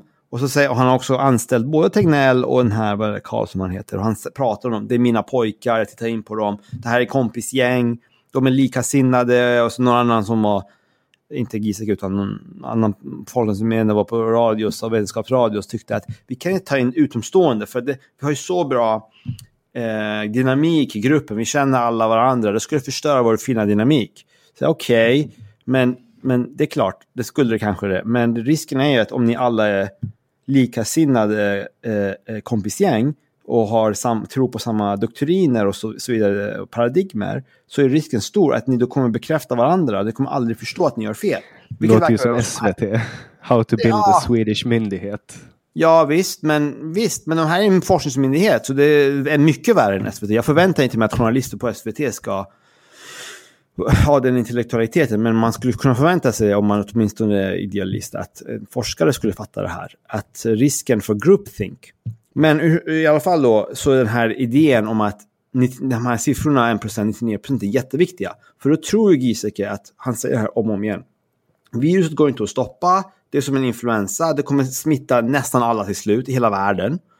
Och eh, eh han tror också att de, de, det är därför de, deras strategi är logiskt för dem själva. De tror att jätte, jättemånga extremt snabbt blev smittade utan att märka det. En liten procent av dem utvecklade dåliga symptom och dog.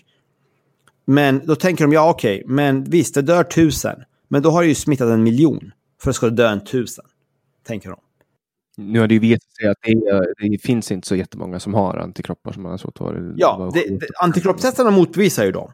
Även om dödligheten skulle ha motbevisat dem, dödstalen borde ha gjort det och spridningen, för den var så koncentrerad regionalt. Hade det varit så att en miljon var smittade eller 600 000 i Stockholm redan, då hade vi inte observerat att de som dör är geografiska kluster.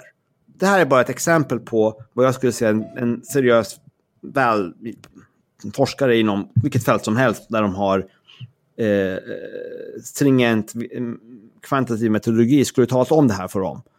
Hur förklarar ni det här? Hur, förklar, hur kommer det sig att de om, om, om, om nästan alla, eh, 25 procent smittade i Stockholm, då borde ju dödligheten vara ganska jämn.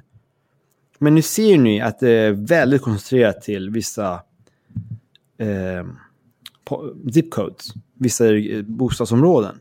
Det tyder ju på att det är klusterspridning och att inte speciellt många är smittade. Och dödligheten i Island, Diamond Princess och Bergamo borde ha 6-7 veckor sedan fanns de här siffrorna. Och for, jag, for, jag, pratar, jag pratar med forskare hela tiden om corona. Massor med amerikanska forskare, brittiska forskare, svenskar och sådär. Så ja, det är klart, det är högre än så. För ni har ingen förklaring för om det var så låg dödlighet, hur ni kan se två promille dör i New York. Op absurt. Och de här som tror på de låga siffrorna, inget av deras estimat är ren observation. Alla baseras på modelltolkningar och tester. Okay? Så Ianides och de här som gör de här eh, studierna som kommer fram till att det är en, en promilles dödlighet, två promilles dödlighet. De gör inte så att de tittar på en någonstans någorlunda komplett mm, sampel. De, de, deras metod är att de testar folk och så ser de hur många som är smittade med antikroppar eller ser ut att vara det. Och så ut, räknar de ut baklänges att de, de, de, så här många smittade, så här många har dött i någon modell. Problemet är, är det ens en liten fe, eh, felkälla i de här testen eller i rekryteringen av sina urval så kommer då deras siffror kunna bli fel med 1000 procent. De här, de här blodtesterna eh, som de använder, det är ofta, ofta när de, här, de får de här konstiga siffrorna, det är nästan alltid, är det när de har jättelåg andel smittade. För att eh, blodtesterna kan, kan ju lätt visa att 1-2% är smittad bara genom mätfel. Eh, falska positiv. Och om i verkligheten om det är 1% och så, så ser det ut att vara 3, då får du en enorm effekt på dina estimat. Och har du en liten felkälla i snedrekryteringen, om de har tagit in till exempel Unides test så går de på Facebook och gör reklam och då Kanske det finns folk som, som, som vill ta testerna för att få ett test, för det var tidigt och det var svårt att få tag på test. Eller vad de gör, kan, eh, vad de gör är att de i Sverige då så står de och förlitar sig på vården för att få urval. Men de som rör sig kring vården, jobbar på vården eller är där, de, rör, de är mer eh, exponerade. Vi vet ju från andra länder att det är fyra, fem gånger högre andel i vården som är smittad än i hela, hela, hela befolkningen. Du kan inte använda de här urvalsmetoderna. Du måste göra representativa urval. Eh, det är som att ställa sig utanför scientologikyrkan och, och göra polls om hur många som är med i scientologerna. Ja, ja okej. Okay. Det var en roligt, det var roligt, lite, li, så illa är inte det de gör. Men visst, det är samma, det är samma problem. Och sen har de icke-transparenta papper, den här Folkhälsomyndigheten, den här stora blodstudien de gjorde på 1100 personer, med, de är 7,3 procent Stockholm. De har två sidors metodbeskrivning. De förklarar inte sin urvalsmetod. De har inte någon förklarar inte sina konfidensintervall, de förklarar ingenting. De är motsvarande, det var någon forskare, docent i Lund, som påpekade att motsvarande rapport i Spanien, som svenskarna avfärdar, är 40 sidor dokumentation. Ni har gjort två sidor och sa att ja, han skulle inte gett det här godkänt som en studentuppsats. Han har ju rätt. Det är inte välgjord. Eh, och, och, och, de följer liksom inte Folkhälsomyndigheten. Eh, vad man skulle kunna förvänta sig vetenskaplig kvalitet. Jag tror inte mm, förstås att de vill göra sitt bästa. Det är inte så att Giesecke och Tegnell vill ha ihjäl folk. Men tänk om de har fel. Okej? Okay? Då måste de vara öppna för den möjligheten. Att de har fel. Men ingenting där de säger och gör Eh, eh, tyder ju på att... De, de, de kan ju, Tegnell speciellt kan ju gå och säga så här som en brasklapp. Ah, jag är osäker. Men sen i praktiken så allt han gör följer ju att han är väldigt säker. Han kan, ju säga, han kan liksom säga att han är osäker, men allt tolkar alltid det som att därför borde vi göra som, jag, som vi redan gör. Eftersom jag är osäker. Det är aldrig något prat om att jag skulle väldigt gärna fråga honom vilken data skulle du vilja se för att fundamentalt ändra din strategi? Finns det någon siffra som skulle få dig att ändra dig? Jag menar, varför ska man ha en ideologi om corona? Det är, så snabbt har vi skapat ideologier om det här och, och låst in oss min take på hela Sveriges eh, strategi, om man ska kalla det strategi, som jag upplever det, det är att, att det händer, alltså att man, man avvaktar ganska länge för att se hur man ska göra. Och sen hamnar man i någon form av paralys där man bara har fortsatt avvakta. Ja, det är lite vad de gjorde. Det är lite vad de gjorde, men det, det är nu inte riktigt vad, hur det gick till. Så här, det här måste man förstå tror jag. Man måste förstå, vilket jag förstås inte visste, men nu har jag lärt mig, att de har olika eh, traditioner inom epidemiologi. Och de har den här moderna epidemiologerna som, som jobbar med modeller eller data och sådär, håller på, så kvantitativa. Sen har de här traditionalisterna som tror att vi ska utgå från historien. Okej? Okay? Eh, som, som är väldigt starka i Sverige då. Och vi ska göra som vi alltid har gjort. Eh, och då, faktum är att de är starka i viss mån även i England, de var i Finland. Och den tror på de här synerna och Norge och Danmark också. Fanns det. Eh, och, och, och då har de studerat 98, 1918 år spanska influensan samt de här asiaterna och Hongkong-influensan och de här influensorna. Och de har dragit vissa läxor från de här influensorna. Eh, som att eh, det kommer en andra våg och influensor är svåra att stoppa. Och sen generellt med influensor så tycker de att vi ska inte överdramatisera för att eh, pubben förstår inte det här. Men de som är upplysta förstår att ja, folk dör av influensor. Det gäller bara att acceptera det och låta dem dö. Ungefär. Och så tror de också att det är omöjligt med lockdowns, det går inte, det fungerar inte. Det är omöjligt med suppression. Vad är det för konstig nymodighet? Man, man kan inte stoppa virus. Det går inte, det går inte. Ingenting går. Utan vi ska låta det spridas. Och därtill så tror de, eftersom de tror att det är en influensa, det gör ju ingenting. För det är så låg dödlighet. Det är en osynlig smitta ju. Och i april så skulle vi ha flockimmunitet redan. Och hade de ju haft rätt om dödligheten och spridningstakten och synligheten, då hade de alltså, deras strategi varit korrekt. Hade den här bara dödat en promille och spridits jättesnabbt, då är det klart att då skulle vi acceptera eh, flockimmunitet genom smitta. Fine. Men den modernare eh, eh epidemiologerna som ser det här mer som SARS, så då har de ju andra perspektiv. Ett, de, det här var en, SARS var en dödligare virus. Två, de, det gick visst att stoppa det med lockdowns och eh, sen med suppression, isolera den, testa, spåra aggressivt och bara hitta alla eh, kedjor och knäcka dem och, och utrota viruset. Det gick, det går. Alla, alla virus är inte influensor. Eh, som vi måste bara acceptera. Och det, vi, vi, har ju kommit 102 år nu, sedan 1918. Det är irrelevant i, stor, i vissa avseenden vad som hände då. Det är verkligen en helt annan situation. Helt annan genetisk virus som, muter, som, som inte muterar på samma sätt. 102 år av framsteg. Eh, de visste inte vad som pågick då. Det är så absurt som att säga att vi ska utgå från vad vi visste om hur de hanterade polio 1918 för vi ska hantera sjukdomar idag. Det skulle folk tycka är galet. Vad ska vi göra med epidemier då? Men i alla fall, så de här eh, moderna, och just de hade teknologin, de hade inte appar och spåra eh, eh, virus med. De hade inte koll på de här spridningsparametrarna på det sättet vi har idag. Och de hade också en lägre värde för liv och de hade en högre risktolerans för de fattiga, fattigare. Mm, eh, så de moderna epidemiologerna som eh, antingen såg det som SARS eller åtminstone bara såg det som parametrar i en modell och skulle säga okej, okay, vi tar viruset och så ser vi vad den är för något. Vi ska inte använda någon förutbestämd eh, analogi. Utan vi ska acceptera att det här är en helt ny, eh, för människan, virus. Eh, de hade en mycket aggressivare syn. Och i England så har de först den här traditionella. Sen kommer mer och mer data och så. Och så tittar de på Sydkorea, inte minst. Men också andra länder. Och så kommer de fram till sydkoreanerna och asiaterna. De, de hade vant sig, eller förberett sig med sars. Och de hade förändrat sin doktrin och sin mentalitet. Det, det, det, de här förberedelserna man pratar om handlade inte om att de hade byggt fortifikationslinjer.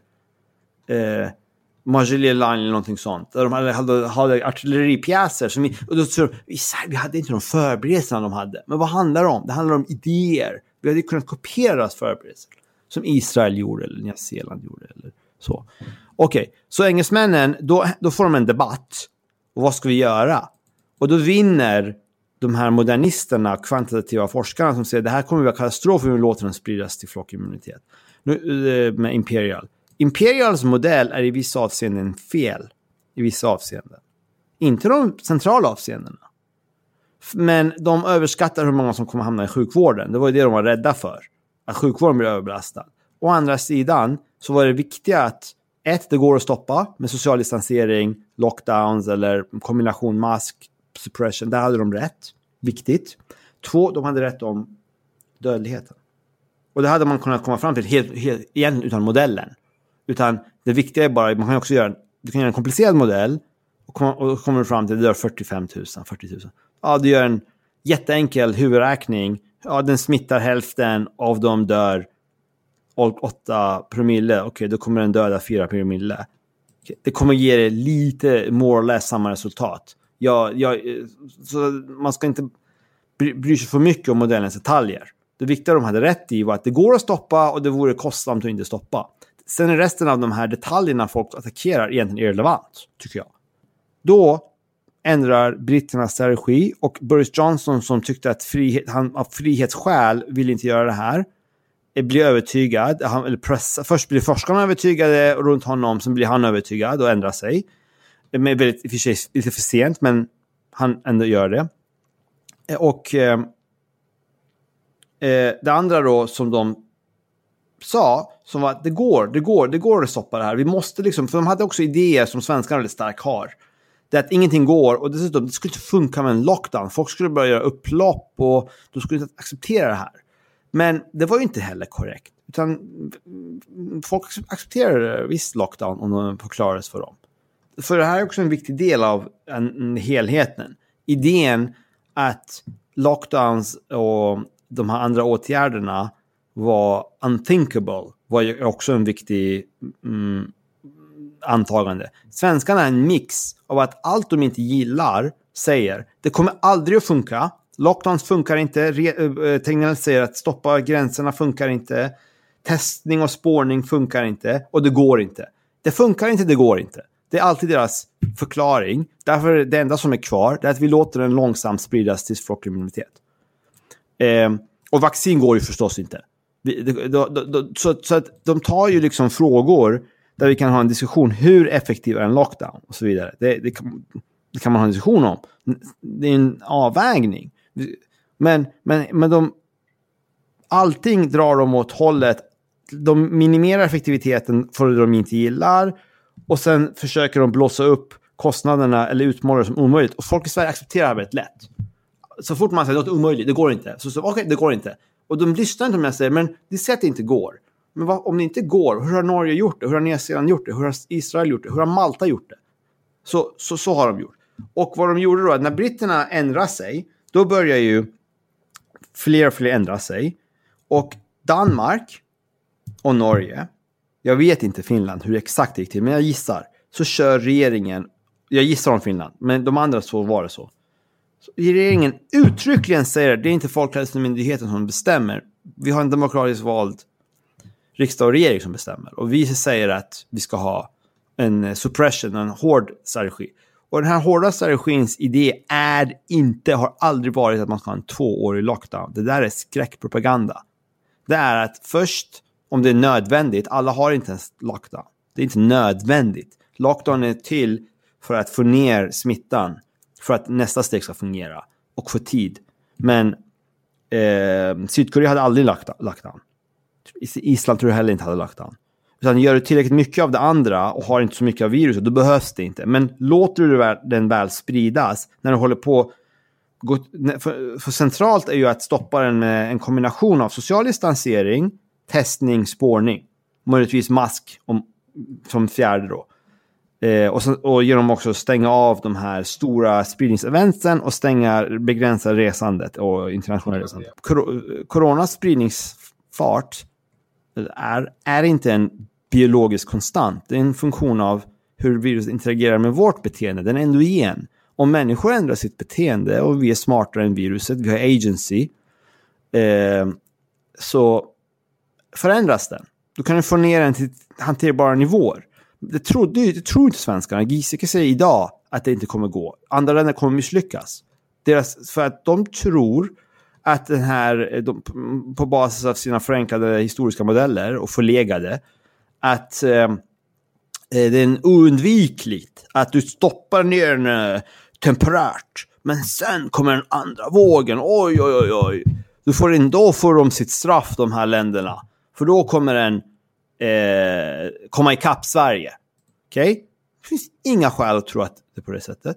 Det är inte förutbestämt. Nothing is written. Och det beror ju på. Uh, andra vågen är en funktion på de här parametrarna. Ja, så folk kommer ju att anpassa sitt beteende när man väl kommer ut igen så kommer man ju att förhålla sig till helt andra regler när det kommer till social distansering. Ja, uh, exakt. Den andra vågen kommer att komma i en helt annan miljö, helt korrekt. Och det kommer att komma i en miljö där vi har haft tid, ett, så, så var de här viktiga sa, ett, stoppa resandet är jätteviktigt. Inget land hade kunnat mm, isolera virus, stoppa viruset om de inte hade infört resor, eh, restriktioner. Och Anders Tegnell säger ju i någon intervju, det finns ingen forskning visar att det fungerar. har ingen effekt att begränsa resandet internationellt. tycker jag är häpnadsväckande. Det är bara en ideologisk idé. Det, det räcker med sunt förnuft att inse att det visst spelar roll att eh, stoppa resandet. Först stoppar du resandet. Och det är, faktum är att det här är lite underskattat, men det är centralt. I vissa länder räckte ju i princip halvt eh, att stoppa resandet. Så, jag kan ta några exempel. Det, här, det är intressant. Många svenskar tror inte ens mig när jag ser de här siffrorna. För de har ju hört att det här är oundvikligt. Och ingen kommer lyckas stoppa det här. Då har de ju kört ner i halsen på dem i månader, veckor. Eh, nu är det månader. Eh, Eh, så stoppa resandet. Sen social distansering, jätteviktigt. Extremt effektiv. Mycket effektivare än jag trodde skulle vara eh, och många eh, av de här epidemiologerna också. Eh, som ja, de uppdaterar ju sina studier som forskare bör, när man lär sig mer. Och nu vet jag att det var ännu effektivare än vi trodde. Sen det som vi visste var effektivt, vi såg hur effektivt Sydkorea använde det, var test, testa, spåra. Hade vi vetat att alla som är smittade, då var det en jättelätt sjukdom att stoppa ju. Problemet är att alla inte vet att de är smitta, smittsamma. Och vi, så. Så test är jätteviktigt här fundamentalt. Eh, och så att eftersom den sprids i kedjor så genom att spåra de här kedjorna en efter en så kan man släcka, stänga, stoppa den och, eller hålla den till väldigt låga nivåer i praktiken. Och det där är viktigt för att det finns en interaktivitet med att hur många som är... Det där, här kommer värdet av lockdown. För att om en miljon är smittade, eller 200 000 till och med är smittade, då är det väldigt svårt att följa den här strategin. Det har ändå en effekt att försöka isolera en och en de här smittorna. Men det är inte troligt och det krävs enorma resurser för att göra det. Du kan inte döda den liksom då. Det kan mindre. Men tänk som en skogsbrand. Du kan liksom inte gå och släcka den med små, springa runt. Men får du ner totala absoluta antalet smittade och du har också gjort R låg, så den är långsam då kan du som, hitta dem en och en. Som att om det är små bränder i skogen, om vi inte har tagit farten, då går det att låta några brandmän springa runt och släcka dem en och en manuellt. Då går det. Men det går inte om du låter den spridas till, även om elden har samma ökningshastighet, så, så är dina resurser eh, att ta en och en eh, begränsade. Det funkar bara. Och, och det är där lockdownens stora effekt är. Genom att den väldigt brutal åtgärd. Eh, men den är ju väldigt effektiv. Och studier visar att den är effektiv. Det, det, det, I Sverige påstår de att lockdowns funkar inte, har ingen effekt på smittan. Det är helt absurt. De verkar inte läsa forskning. Det är forskningsstudier i Nature och allt möjligt som visar att noggrant undersökte och visar att det har jättestark effekt. Jag vill gärna glida in på, på en av de sakerna som folk säger i Sverige, vilket är eh, det är flera som dör av de ekonomiska konsekvenserna av lockdowns. Aha, bra. Jag kommer gärna in på det. Jag ska göra det. Så, så, så som de tror, de har den här förenklade bilden. Okej, okay, vi har eh, smittan, vi gör en temporär lockdown på några veckor, sen stoppar vi lockdownen men vi gör ingenting annat ändras. Då kommer den ju komma tillbaka. Ja, det är korrekt. Det skulle vara så. Det vill säga, gör man bara en lockdown så kommer den ju börja, och ingenting annat ändras, så kommer den börja stiga igen. Även då så skulle man ju faktiskt ett u-land kunna använda några lockdowns för att rida ut det här på ett otroligt eh, ineffektivt men brutalt sätt, men skulle fungera någorlunda. Men hur som helst, eh, i och med att vi, vi tänker oss att det här är en temporär grej, för två, ett eller två år så kommer vaccinet. Men det är ju inte alls det som de länderna gör. De har ju totalt missförstått och missupp, missrepresenterat. Med stråman. vad de gör är att de inför några veckors lockdown, smarta länder. Under tiden så sätter man in jättemycket social distansering och sånt förstås. Och så, så, så, så bygger man upp kapacitet för test och spårning. Och när lockdownen är slut, för det är temporärt, då är den på låg nivå. När den är på låg nivå då är den lättare att kontrollera om du sen har suppression, där du aktivt isolerar den. Den biten har ju svenskarna aldrig fattat. De bara fattar det nu, för nu öppnas debatten. Men i början, och sen använder de skräckpropaganda för att utmåla, överdramatisera och utmåla andra länders lockdowns som ett, permanenta. Så det är en jättevanlig stråman som folk fortsätter fråga. Men ska vi stänga i två år eller? Och säger man till dem, det har ju inte våra grannar gjort. Det är inte något, någon som planerar att stänga i två år. Så säger de, men ska vi stänga i två år eller? Det är en stråman. Vi har bara lärt folk så här korkade. Det andra är eh, utmåla det som eh, ren populism. Och sen inte förklara ordentligt rollen för lockdown som så, så, det här eh, längre, det vill säga, och, och men vadå, och, och heller inte förklara skillnaden att, men eh, eh, vad Sverige gör och vad Norge gör, så är de, i, men vadå, Norge gör precis som oss, för att nu öppnar de upp och det betyder att de har erkänt att de hade fel. Och det sa svensk media, bokstavligt talat, att Danmark öppnade så skrev Sydsvenska Dagbladet, Malmös tidning, danskarna erkänner att Sverige hade rätt, eller någonting sånt. Exakt inte de ord använder de inte, men det här använder de nästan ordagrant. De tycker inte att tillräckligt många var smittade, nu ska de smitta fler. Nej, det är klart att det är inte därför de öppnar, det är en helt annan sak. Om du först knäcker ryggen med hammaren på smittan, det är klart att du sen öppnar.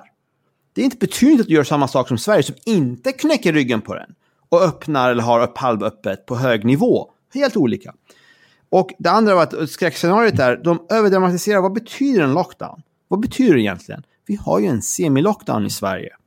Informell och delvis formell, för en del är ju regleringar. En del är eh, frivilligt. Jag, tycker, jag, jag, jag har inget emot den frivillighet delen av den svenska policyn. Det är inte centralt. Det är inte alls det som är kännetecknet i den svenska strategin, att den är frivillig. Säkert hade Sverige kunnat ha det, göra det Danmark, Norge, och Finland gjorde någorlunda och göra det mm, mm, mm, mekanismen och att ha starka frivilliga normer. För det är en, klart vi kan göra det. Det, det är egentligen på en djup filosofisk nivå så finns inte någon stark distinktion mellan lagen och normer. Det är en gradfråga. Vad som är lag och vad som är norm i ofta de flesta fall. I de här länderna är normerna starka. I alla fall, problemet var ju ambitionen och strategin som är problemet.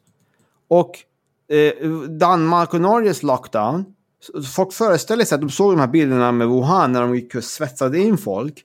De tror att lockdown är ett permanent fängelse och det bidrog ju media med. För de tar med skräckpropaganda, med anek lösa anekdoter från olika ställen.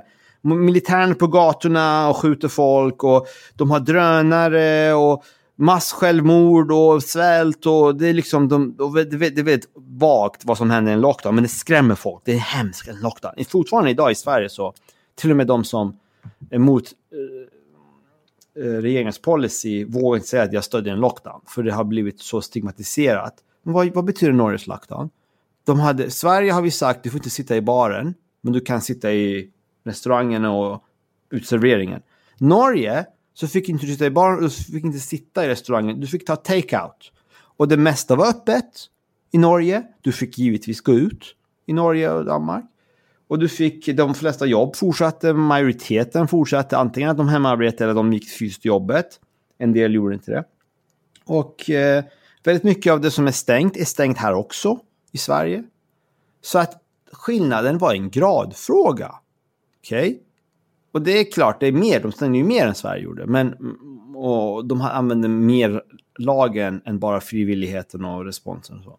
Men det var verkligen inte så att det var en enorm skillnad i hur livet gick till och det var temporärt. Så efter ett tag, om, de, om det funkar, så kommer ju du normalisera snabbare och så kommer ju du gå om Sverige i frihet, rör, rörelsefrihet. För du har inte viruset. Eh, och, och, men den biten också är jätteviktig att de media, och media då egentligen, inte folkrätten egentligen, media lyckades hjärntvätta svenska majoritetsbefolkningen till att andra länders lockdown dels var bara att de var ovetenskapliga och de låtsades att eh, forskarna i de här länderna emot lockdown. Det är bara att de har populistregimer som vill ha det väldigt oärligt. För det är inte alls så gick till, det är nästan tvärtom. Att det var vetenskapsmännen och faktum är medier, där var de ju vettiga i många länder, eh, som, som eh, pressade för det här. Eh, inte alls så att varför skulle det vara populistiskt med en lockdown? Det populistiska är att låta folk gå och supa och säga att det löser sig. Eller hur? Det, det, genom ja, bitter medicin inte populism. Tycker det, tycker Men det, det jag tycker är spännande är hur just vänstern har, har liksom tagit Folkhälsomyndighetens sida och hur ja. högern, det är grov ja. fördelning nu, men hur de har tagit den här mer kritiska ja. eh, synen. Vad, vad, vad, är din analys av det? Eh, I Sverige så var, finns flera grupper, inte en grupp. Så du har eh, etablissemangvänstern och poliskorrekta, de älskar ju Folkhälsomyndigheten. Liksom sådär. Sen har du marknadsliberaler som ännu mer, som är höger, men som än, ännu mer älskar det här. För då, och det, så är det ju i andra länder också. Marknadsliberalerna vill inte ha, ofta mot eh, restriktioner. Sen har du en stor grupp som också är höger, som är konspirationsteoretiker som tror att corona är påhitt eller att det är som en influensa. Och så, de dör inte av corona, de dör med corona. Den gruppen, det är en myt, ovetenskaplig, skadlig. Eh, det var en myt flera månader sedan, nu är det bara att coronaförnekare. Och konstant sitter de och eh, eh, fifflar med det och missförstår och sådär med de här statistiken. Men den gruppen som också är delvis höger, är också på Folkpartiets sida, och så, så Liberalerna, som tycker att det är, så vikt, det är jätteviktigt att, eh, whatever, det viktiga är eh, att inte eh, inskränka rörelsefriheten och det ska vara mjukt och ungefär, liksom att vi ska inte ha fängelse, vi ska ha dialog. De gillar också den. Sen har du eh, konservativa gillar inte den. Sen har du de som är evidensdrivna vänstermänniskor gillar heller inte Folkhälsomyndigheten eller det finns en grupp där. Teknokratvänstern mer kritiska. Eh, och sen teknokrathögern, högerliberaler som jag, det är mixed men mer kritiska. Eh, så så det, det, det, är inte en grupp. Och just det, ta en grupp, grupp till som i början var väldigt för det här. Som är kryptofascister som gillar idén med, med eh, flockimmunitet. Det, det låter bra. Mm, det är så här och, och, och de svaga, de ska, de ska dö. Sådär. De idéerna är också starka. Så jag noterar att en del av dem gillar också den här svenska linjen. Vi ska, vi ska vara tuffa. Förr i tiden, då, då, hade vi, då dödade vi folk. Vi, vi var inte rädda för döden. Och den här macho, eh, so, eh, sociodarwinistiska idéer eh, finns ju, finns ju högermänniskor, eh, obehagliga högre människor, som gillar. Eh, så att det fanns ju eh, en bred uppslutning. Inte bara att det är höger mot vänster i Sveriges fall. Internationellt, så eh, i USA och England, så är det så att mm, vänstern på det stora hela är bara för hård coronapolicy och högern överlag vill ha mindre. Eh, I USA och England finns det också en komplexitet där en del av högern, som är mer kanske evidensdriven och mindre marknadsliberal, mer pro eh, suppression eller så. Så eh, förvånansvärt nog, så för en gångs skull lyssnade ju Trump någorlunda på sina forskare, experter. Och eh, han, det var ingen fantastiskt han gjorde, men det, det, var bättre än vad Sverige gjorde. På det stora hela så lät han ju dem mm, göra. I början håller han på att säga att det är hoax och sådär. Och vad, vad det här beror på, vad, hur kommer det sig att svenska vänstern har hamnat på samma sida som Tea Party och den brasilianska ultrahögern och sådär, populisthögern. Det, det är min förklaring, det är komplext. Det här är en komplex fråga. Jag kan prata om två timmar om det här. Men enklaste förklaringen är, det är bara det att de sittande regeringen, den strategi de valde med, eh, eh, stödjer då deras ideologer. Så i Sverige har vi en sittande socialdemokratisk regering som inte, och där var ju du inne på att de var, de, de var passiva, De tog ju aldrig något beslut. Så lät de Folkhälsomyndigheten, så de har väldigt starka åsikter, eh, Folkhälsomyndigheten, om det här. De vet, vi, vet, vi vet hur vi fixar det här. De är säkra. Eh, Tegnell och Giesecke och de här. Och Löfven litar på det här. Han eh, kan väl inte så mycket om det här och så. Så lät han dem göra som de vill. Så därför blev det vår officiella policy och vänsterns policy att göra så här. Och då eh, började det rally around the flag och då, visst, då, då började vänstern stödja det här. Senare kom, har kritiken ökat väldigt länge. Det var ju åtta av åtta partier för policyn. Jag tror idag är väl nästan sju av åtta eh, partier eh, så nästan helt för policyn. Så det är fortfarande så att de har en väldigt stark uppslutning bakom det här. Och de lyckades ju också, med, då började media kampanja. Som de alltid gör. Svensk media har verkar liksom inte ha någon knapp som är, låt oss för en gångs skull bara, här, det här är en fråga som inte finns någon ideologi. Det är bara en virus. Vi visste inte ens vad det här var för någonting ett tag. Varför ska vi hålla på med kulturkrig, retorik här? Nej, det klarar de inte av. Så det enda de klarar av är antingen driva agenda åt det hållet eller det hållet. Eh, så de eh, valde då den svenska och då genom att välja experter, ett fåtal, vad är det? Britton, Albert, Giesecke, vad de nu heter, de här människorna, Frans och sådär. Så ett litet gäng som är samma personer om och om och om, och om igen, som är hejaklackor åt folkhälsomyndigheter. Eh, och i vissa fall intellektuellt tror på det här och i vissa fall är eh, har någon form av intresse och tro på det, jag vet inte. Eh, eller så här, vissa av dem använder mer, verkar vara mer uppriktigt uppriktiga och erkänna när de har fel. Och vissa driver väldigt mycket en retorik. Men sak samma. Det, då, då blev ju det, eftersom folk också var väldigt osäkra och rädda, så vart skapades enorm, enorm, enorm stark opinion på det här väldigt snabbt. Sen gick inte, gick inte det att ändra. När de väl hade 80% på ena sidan så var det svårt. Vad, vad kommer att hända med ekonomin? Kommer det att ske en krasch och hur kommer, hur kommer folk att dö på grund av den? Det har skett en krasch redan. Eh, men det har skett en krasch. Vi kommer återhämta oss. Sen är frågan hur snabbt. Jag gissar att Sverige kommer återhämta sig långsammare än andra länder. Det är min bedömning. Okay? Eh, eh, så. Men sen tror jag att de flesta länder kommer att återhämta sig. Eh, jag tror till och med att jag sa det här några dagar sedan. Jag är lite mer positiv än jag var i början. I början fanns det väldigt mycket night and uncertainty som blev det kalkylerbar. Nu har vi lite bättre så här grepp på det hela. Det gick snabbare och, och, och de här lockdownsen och social distanseringen funkade ännu effektivare än vi trodde. Vi har länder som Mongoliet och Vietnam som har noll döda. Vi har länder som min bror bor på Malta. De stänger gränsen och så inför de karant eh, vad är det, lockdown, sen aggressiv testning och social distansering. Färre än 10 döda.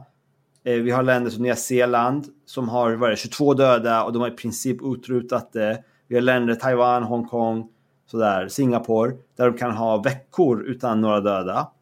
Det, det är ofta inte noll i termer av smittade döda. Eh, ofta flyger det folk utifrån också. Men nära noll har flera länder. Det är ju ännu bättre än vi trodde skulle ske. Och Israel och samma sak. Och flera länder återöppnas. Och vi har också lärt oss mer om hur man strategiskt stänger vad, som, vad är viktigt att stänga, vad är inte viktigt. Det spelar ingen roll, så verkar det som att gå ut. Det, var, det är dumt att stänga, vad heter det, stränder. Jag är ju inte för att stänga saker för sakens skull. Så här, det är inte så att vi är för en lockdown. För lo vi, här, vi, har en ideologi, vi vill ha en lockdown. Så absurt. Det är en teknologisk fråga. Är, räddar det liv? Om det räddar liv att jag, att jag, eh, att jag inte går och super eh, fem veckor per år och utan, utan, då kan jag rädda tusen äldre eller tusentals äldre, jag och alla andra. Det är klart att jag vill göra det. Vad det gäller ekonomin så är svaret att, eh, och det här är, vill jag verkligen betona, att väldigt många experter, och de har gjort paneler med experter och frågat dem. Det här är inte min åsikt bara, det är min åsikt. Jag har sagt det hårt, men många, många håller med mig. Delas, har kommit till samma uppfattning, eller läst samma forskning, eller läst samma studier. Det är att det är inte lockdowns som kraschade ekonomin. Det var viruset, det är rädsla för viruset som kraschade ekonomin. Det kom först. Först kraschade ekonomin. Eftersom människor såg det här viruset, de vill inte bli smittade och smitta sina anhöriga framför allt också. Jag bryr mig inte om jag blir smittad så mycket, men jag vill inte smitta andra som kan dö. Eh, därför så slutade de röra på sig och resa och gå till eh, thaimassage och nagelsalonger och tandläkare där de möts, möter andra människor när, intimt. Och då kraschade ekonomin. Eh, och de mätte till exempel i Danmark en jätteintressant jämförelse med Sverige. Så i Danmark så eh, sjunker konsumtionen eh, med 29 procent där de hade lockdown. Och i Sverige med 25 procent utan lockdown. Lockdownen hade bara 4 procentenheters effekt utöver det som hade skett redan i båda de här länderna. Det ger oss en hum om hur viktigt lockdownen i Danmark var jämfört med den här spontana folkliga reaktionen som är där jag, min analogi är, det var den osynliga handeln som kraschade ekonomin. Vanliga konsumenter vill inte shoppa när de tror att de kan bli smittade och de trodde med rätta att det är ett ganska vanligt virus. De, de behöver inte tro, för många, många liberaler, de övertygar sig själva genom att de jättegärna vill tro på den här idén att det är, bara som en influensa och jag är så upplyst och smart för jag är smartare än alla andra. Jag fattar att det här ska inte man oroa sig för. Nej, du är inte alls smart. För det första är det dumt. Här kommer en virus vi aldrig varit exponerat mot eh, som beter sig konstigt och osäkerhet. Ska vi ta risken att låta oss, eh, samhället smittas? Just. Okej? Okay? I termer av riskhantering och sånt. Vi vet ju inte. Först måste vi lära oss. Sen kan vi låta människor bli smittade om de nu vill så gärna bli smittade. Och i alla fall då, eftersom det är viruset som dödar ekonomin, då är, då är det värt det att ta lite bitter medicin i form av till exempel lock, lockdowns. Eller eh, partiella lockdowns eller vad det nu är. Eh, för att snabbt, så snabbt som möjligt krossa viruset och återgå till normalitet. Eh, det är därför jag tror att det här idén att vi har inte en avvägning mellan hälsa och ekonomin på det stora hela. Eh, utan vi har båda sammanfaller. Och det, det, kan jag säga, jag, jag, rekommenderar den här jättelånga artikeln som var igår med is, om Israel hur de stoppar det. De är väldigt smarta experter. Det är eh, fysikern som leder dem. Ensam mer meriterad än eh, alla de här svenskarna man ser på tv vetenskapligt. Och eh, de är, de, deras intervju är väldigt, mm, både lättläst men också väldigt intellektuell. Där de förklarar de här problemen med den svenska strategin, det är för hög dödlighet, så de kommer att hålla i sig jättelänge, det tar för alldeles för lång tid att nå flockimmunitet. Och de förklarar, vi måste göra det här, eh, syftet är ju inte lockdown um, för sakens skull, utan syftet är att snabbt kunna normalisera. Så ju mer vi gör i början, desto snabbare kan vi normalisera. Och den idén som inte många vägrar fatta eller har svårt att fatta. Jag vet inte.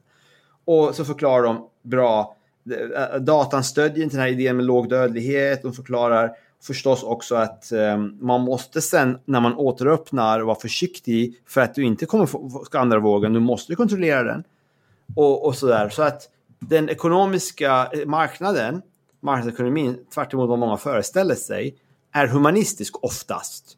Okej? Okay? Det är inte någon brutal, att ekonomin är ju egentligen inte något separat från människans välmående. Det är vår eh, konceptuell begrepp vi använder för, för att förstå världen. Men vad, ekonomin handlar ju inte om att producera pengar, det handlar om att producera välmående. Pengar är en del av det här, en mekanism för att upp, uppnå välmående. Och ekonomin reflekterar vår, våra preferenser. Och, och ekonomin är inte någon brutal psykopatisk, aztekisk gud som vi måste offra några tusen äldre till. Då blir ekonomin nöjd så kan vi, gå vid, så kan vi tjäna pengar. Nej, så är det inte. Ekonomin ofta, eh, där, när vi ökar medellivslängden, de, de sakerna som ökar medellivslängden brukar vara bra för ekonomin. De sakerna som leder till eh, eh, liksom jämlika, frihetliga samhällen brukar vara bra för ekonomin. Det, är liksom, det som är bra för människan brukar vara bra för ekonomin. Som ekonomin handlar om människor. Om det, jag vet inte om det, det var inte Hayek, om det var Mises, man, man tyckte i alla fall att man borde inte kalla det economics skulle kalla det human action, någonting sånt. Vi missförstår ju eh, lite grann när vi har ekonomin som någonting separat och lite, jag vet inte, lite cynisk. Så, eh, sådär. Och där kommer, där kommer de ju se i Sverige. Och de, jag tycker att de, de som själva är marknadsliberaler och är och, eh, sura för de tycker att staten har kommit och kraschat ekonomin borde faktiskt eh, vara lite tänka på sitt eget eh, om, eget intresse och fundera på om jag vill ha tillbaka en normal ekonomi, kan, kan inte jag vara lite mer vuxen istället för att skrika att gör det enkelt för mig och låtsas som att Ehm, det eh, förenkla valet, ett påhittat val. Ge mig min godis nu, jag vill ha den nu.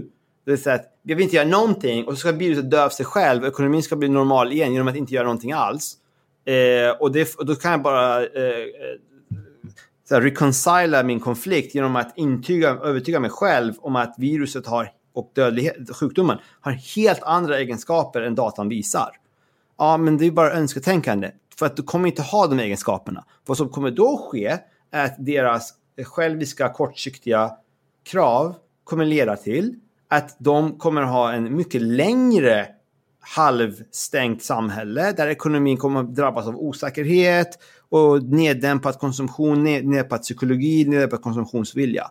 Och det här idén att det här kommer leda till svält och lakan, alltså, absurt. Nej, eftersom alla de här negativa effekterna de pratar om är konsekvens av dålig ekonomi. Om det nu är så att lockdowns på sikt är bra för ekonomin och, du, och lockdowns plus suppression så eh, kommer det minska allt det där. Dessutom, mycket av det är bara påhitt. Det finns ingen data på att det här, de pratar om att det skulle leda till massa ökning av mord. Nej, det ledde det inte alls till. Det, har inte, det verkar inte ha lett till ökning av självmord. Åtminstone i Colorado var det någon som hade varit en artikel om det här. Finns ingen, finns ingen tecken på det alls. Vi pratar lite om, om domestic violence också. Det, har, det kan ha ökat i vissa länder. Inte alla, men, men eh, det, det var ju liksom en liten ökning i typ England av det, 5% Och så var det extremt kraftig nedgång i alla andra våldsbrott. Så totalt hade ju sjönk ju mord med... Eh, jag skrev om det här i Norge, eh, brott och mord också. Men i Norge och Danmark, våldsbrott, det sjönk 10-25 procent. Sjönk det. Sverige sjönk det också lite. Eh, 3, 5 procent kanske sjönk i Sverige. Men det, det, det sjönk mycket, mycket mer i länderna med lockdown temporärt. Totalt brottslighet. Varför skulle lockdowns i väst på, leda till svält? Vi har inte stängt jordbruket. Och jag kollade, vår, världens utbud av mat har inte alls sjunkit och förväntas vara ganska hög. Eh, det har sjunkit då till och med efterfrågan för industriell användning av städ och sånt. Så att det kan till och med bli Eh, en, en, överskott. Och det här med att det skulle leda till svält, det där är bara ett billigt emotionell manipulation för att rationalisera sina argument, argument och säga att eh, om, om eh, Danmark och Finland har en fem veckors lockdown så kommer barnen i Afrika att dö av svält. Kom igen. Det är det här argumentet om du inte äter dina grönsaker. Så på något sätt, barnen i Afrika då. Vad har det med saker? Vad, vad, är, vad är den logiska kopplingen med de här två argumenten? Och börja säga, ja ah, men det finns ju svält. Ja, det är klart det finns. Men det fanns ju innan corona också. Och vill lösa svält, det finns ju en massa andra sätt att lösa svält. Vi ökar matproduktionen eller matbiståndet. De använder ju irrelevanta eh, argument eller halvdunkla. Having said all of that så tycker jag det fortfarande det finns en viktig legitim argument, vilket är att vi ska inte ha onödigt långa lockdowns och vi ska inte stänga saker som inte eh, evidensbaserat bidrar till spridningen. Mycket de stängde i vissa länder var ju dumt, onödigt. Och vi vet ju också att vi, när vi ser att länder som Finland och Danmark fick ner det, då, kanske, då var ju det i efterhand i alla fall onödigt av en del av de här restriktionerna de hade som var för mycket integritetskränkande i vissa andra länder. Och jag upprepar också att om du är libertarian så kan ju, skulle vi haft allt det här och haft frivilligt. Vi har inte behövt speciellt mycket statlig inskränkning. Vi hade bara behövt en korrekt statlig instruktion till allmänheten. Och jag tror att libertarianer drar helt fel slutsats, de som är för Sverige. Det är oftast i USA, då, England, libertarianer tycker det här. Vad det här bevisade, det är ett, staten är inkompetent. Eh, statens förmåga liksom att göra bra science. Eh, och det här var social ingenjörskonst det Sverige gjorde. Det är inte alls frihetligt. Vi lät en myndighet styra Sverige. Eh, och så krävde vi att alla skulle följa dem, och informellt och formellt tysta dem. Och de lägger liksom, de har statliga propagandabudget. Hur jävla liberalt är det? Eh, som du var inne på.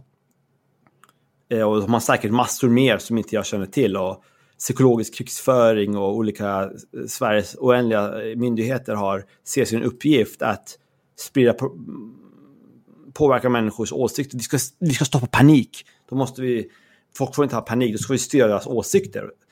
Eh, och eh, det, det ena och, och, det andra var att det här är public choice. Staten är inte speciellt kompetent ofta och det finns vi kan inte lita på att byro, byråkrater gör bättre forskning än eh, världs, kollektiva världsvetenskapen. Tusen tack Tino Sanandaji för att du kom till podcasten Samtal och höll oss sällskap. Även om det nu är mitt i natten när vi spelar in det här så är det ju trots allt en sommarnatt och det är ju riktigt härligt att det är sommar.